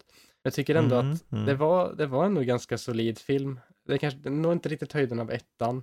Det är ändå inte, inget bottennapp som tvåan var, så jag skulle säga att den är ungefär i mitten där. Det, det var, Mm. ja, Men en okej underhållande film Ja, då alltså? i stunden man var där så kände jag ändå att det var värt det liksom. Ja. Och den verkar ju fokusera uppenbarligen på betydligt mer angående Dumbledore. Mm. Eh, är, är han mycket mer i fokus i den här eller är han typ 50-50 mot han, eh, vad nu han heter från första filmen där? Newt Scamander. Eh, jag, Newt, Newt ja. jag skulle säga att de är ungefär eh, lika liksom i screen time. Mm. Eh, du ser ju Mm. unga Dumbledore där. Och sätta stopp för Grindelwald, mer eller mindre. Där. Eh, så det är lite liksom, det tog ett litet tag innan jag insåg att just det, det här är ju faktiskt Dumbledore. för att man, det, han ser inte alls ut som man gör i eh, de äldre, då är han ju gammal och liknande. Så då är det liksom, Mm. men det kändes ändå som att, ja, det var mer, det var, det fortfarande det största fokus ligger ju på Newt. Precis som i, först, Ja, eh, okej. precis som i första filmen andra filmen. Men ja, det är som var Men liksom, han letar ja, nu efter fler av de här hemliga djuren liksom. Eller vad är Ja. grejen med hans storyline? det är egentligen att han ska, han hittar en slags varelse i början av filmen eh, som han ska ta, liksom, restora liksom. Eh, det är lite Ja. premiss, han ska liksom ta hand om det här djuret och eh, för han har, hans mamma har väl gått bort tror jag det var och sånt och sen så ska han, eh, ja, han ska gå med det här djuret till det här stället som Grindelwald har kontroll över. Okej. Så det är lite så här, Mm. det handlar mycket om eh, Alltså det är inte så jättemycket fokus på bästarna när jag tänker efter faktiskt. Det finns några liksom som är med. Det är mest det här djuret då. Eh, liten typ ren liknande varelse typ. Men över det, Ja. överlag, utöver det så är det inte så jättemycket fokus på det, utan det är mera fokus på karaktärerna tycker jag. Jag tycker att de gör en ganska Mm. bra jobb där ändå. Även om det kanske som många andra har påpekat att det kanske inte är så jättesammanhängande allting som händer. Men det kändes ändå som att de unika scenerna och sånt var ganska minnesvärda. Det finns som sagt några Mm. stycken där som så, ja. Ja, men det är intressant. Jag är själv och nyfiken på att se den här, vad det lider. Mm. Så kul att höra ändå. Ja, när vi ändå är inne på det, kan du inte bara berätta om Sonic eh, the Hedgehog 2 då? Jo. För, den har ju fått relativt blandad kritik va? Men jag tänker vad dina intryck är. Är den, liksom, är den värd att gå och se? Jo, jag skulle ändå säga det. Eh, så jag skulle beskriva den här filmen i att när den är bra så är den riktigt, liksom, det, det är en som man som liksom väntar sig av en uppföljare till Sonic 1, liksom med Knuckles där och Tails som är nya karaktärer som ska gå emot Eggman där. Det är ganska så här, ja det känns ändå som att det är, ja det är ganska bra. Och sen så finns det även, fast det finns dock en del partier i filmen som bara, det här är inte alls bra, det här är rent typ cringe egentligen. Som var liksom, Mm. det här är nog riktat mer åt barn, skulle jag säga, än resten av filmen är. Så det är verkligen så här, det finns- finns bara väldigt höga liksom highs, det finns, men det finns även väldigt många lows. Så det är verkligen en Mm. mix, mixed bag om man säger så. Ja, det är ändå en, eh, kanske typ, Men premissen är bara som du sa att de, ja, de ska ta ner Eggman. Ja. Det är ingen, eh, det är ingen annan, typ inte. det är ingen djup där direkt. Typ inte, det är mer av en popcorn, popcornrulle man ska säga, där ska Mm. liksom, det, det är mycket mer fokus på eh, typ komedin och actionen liksom, än, än liksom. Mm. Hur är Jim Carrey då? Jo men han är, han är väl lika bra som han var i första filmen skulle jag säga. Det är Ja. ganska, han är ganska bra. Eh, dock så kommer de nog inte använda honom i tredje filmen, har jag hört eh, rykten om. Och det är ganska tydligt med slutscenen i eh, Sonic 2 också, det kanske finns en ny eh, grej där. Och den, just Mm. den aspekten blev liksom, ska de verkligen intressera den här karaktären nu? Eh, Den här karaktären in- passar inte alls bra när den är inne i Sonic. Men, eh, ja. Nej, okej. ja. Mm. Kryptiskt. ja. Intressant och det går väl lite hand i hand med att Jim Carrey har sagt att han vill eh, pensionera sig. Mm. Eh, för jag, han har ju sagt typ, ja men om det kommer ett riktigt bra manus då kan jag tänka mig. Jag tror inte att Sonic 3 kommer vara det manus. Nej, säker? alltså, som sagt så är det väldigt många manusgrejer som är bara typ så här internskämt som inte funkar riktigt. Som bara liksom funkar kanske åt en viss publik egentligen. Eh, Ja, okej. Alltså det är inte det man, det kommer inte vinna något pris för manus skulle jag säga. Men som Nej. en popcornunderhållande rulle som man går för att kolla på så absolut. Det Ja. kan vara värt att Ja. gå och kolla på. Liksom. Ja, Om man gillar alltså, första filmen jag så gillar man det- den här liksom. ja, men det är ju skönt där, för egentligen allt behöver inte vara liksom Shakespeare. Nej. Så. Shakespeare on Ice kan det vara. Eh, Ehm, snarare. Nej men det är väl kul, kunna gå och bara se något för stunden och vara underhållen i stunden och sen kunna glömma det. Det, Mm. det gör inget heller. ja. faktiskt.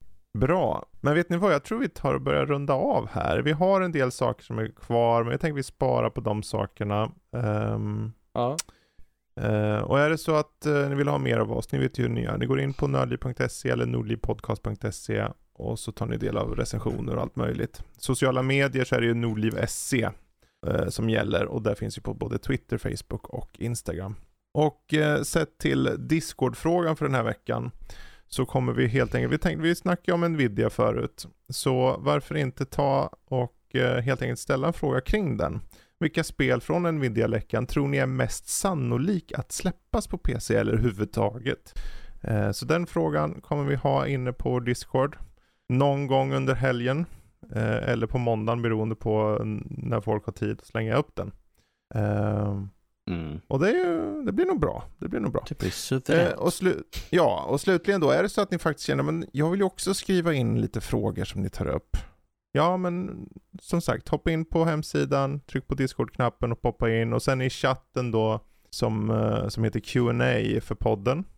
Den, bo- den kommer ni se på en gång när ni kommer in. Så skriver ni bara frågor, eller funderingar, eller allmänna saker, vad som helst egentligen som ni tycker det vore kul att höra vad vi, eh, vad vi tycker och Varför tänker. är Fredrik så lång för? Ja, du förstår när mamma Olsson och pappa Olsson träffades så visade att deras genetik var väldigt lång va. Och så vidare. Så, men ja, ja, med det sagt, eh, jag tackar för mig, jag tackar Danny, jag tackar Jesper så får ni säga hej då. Toodaloo. Ha det bra hörni. Hej då.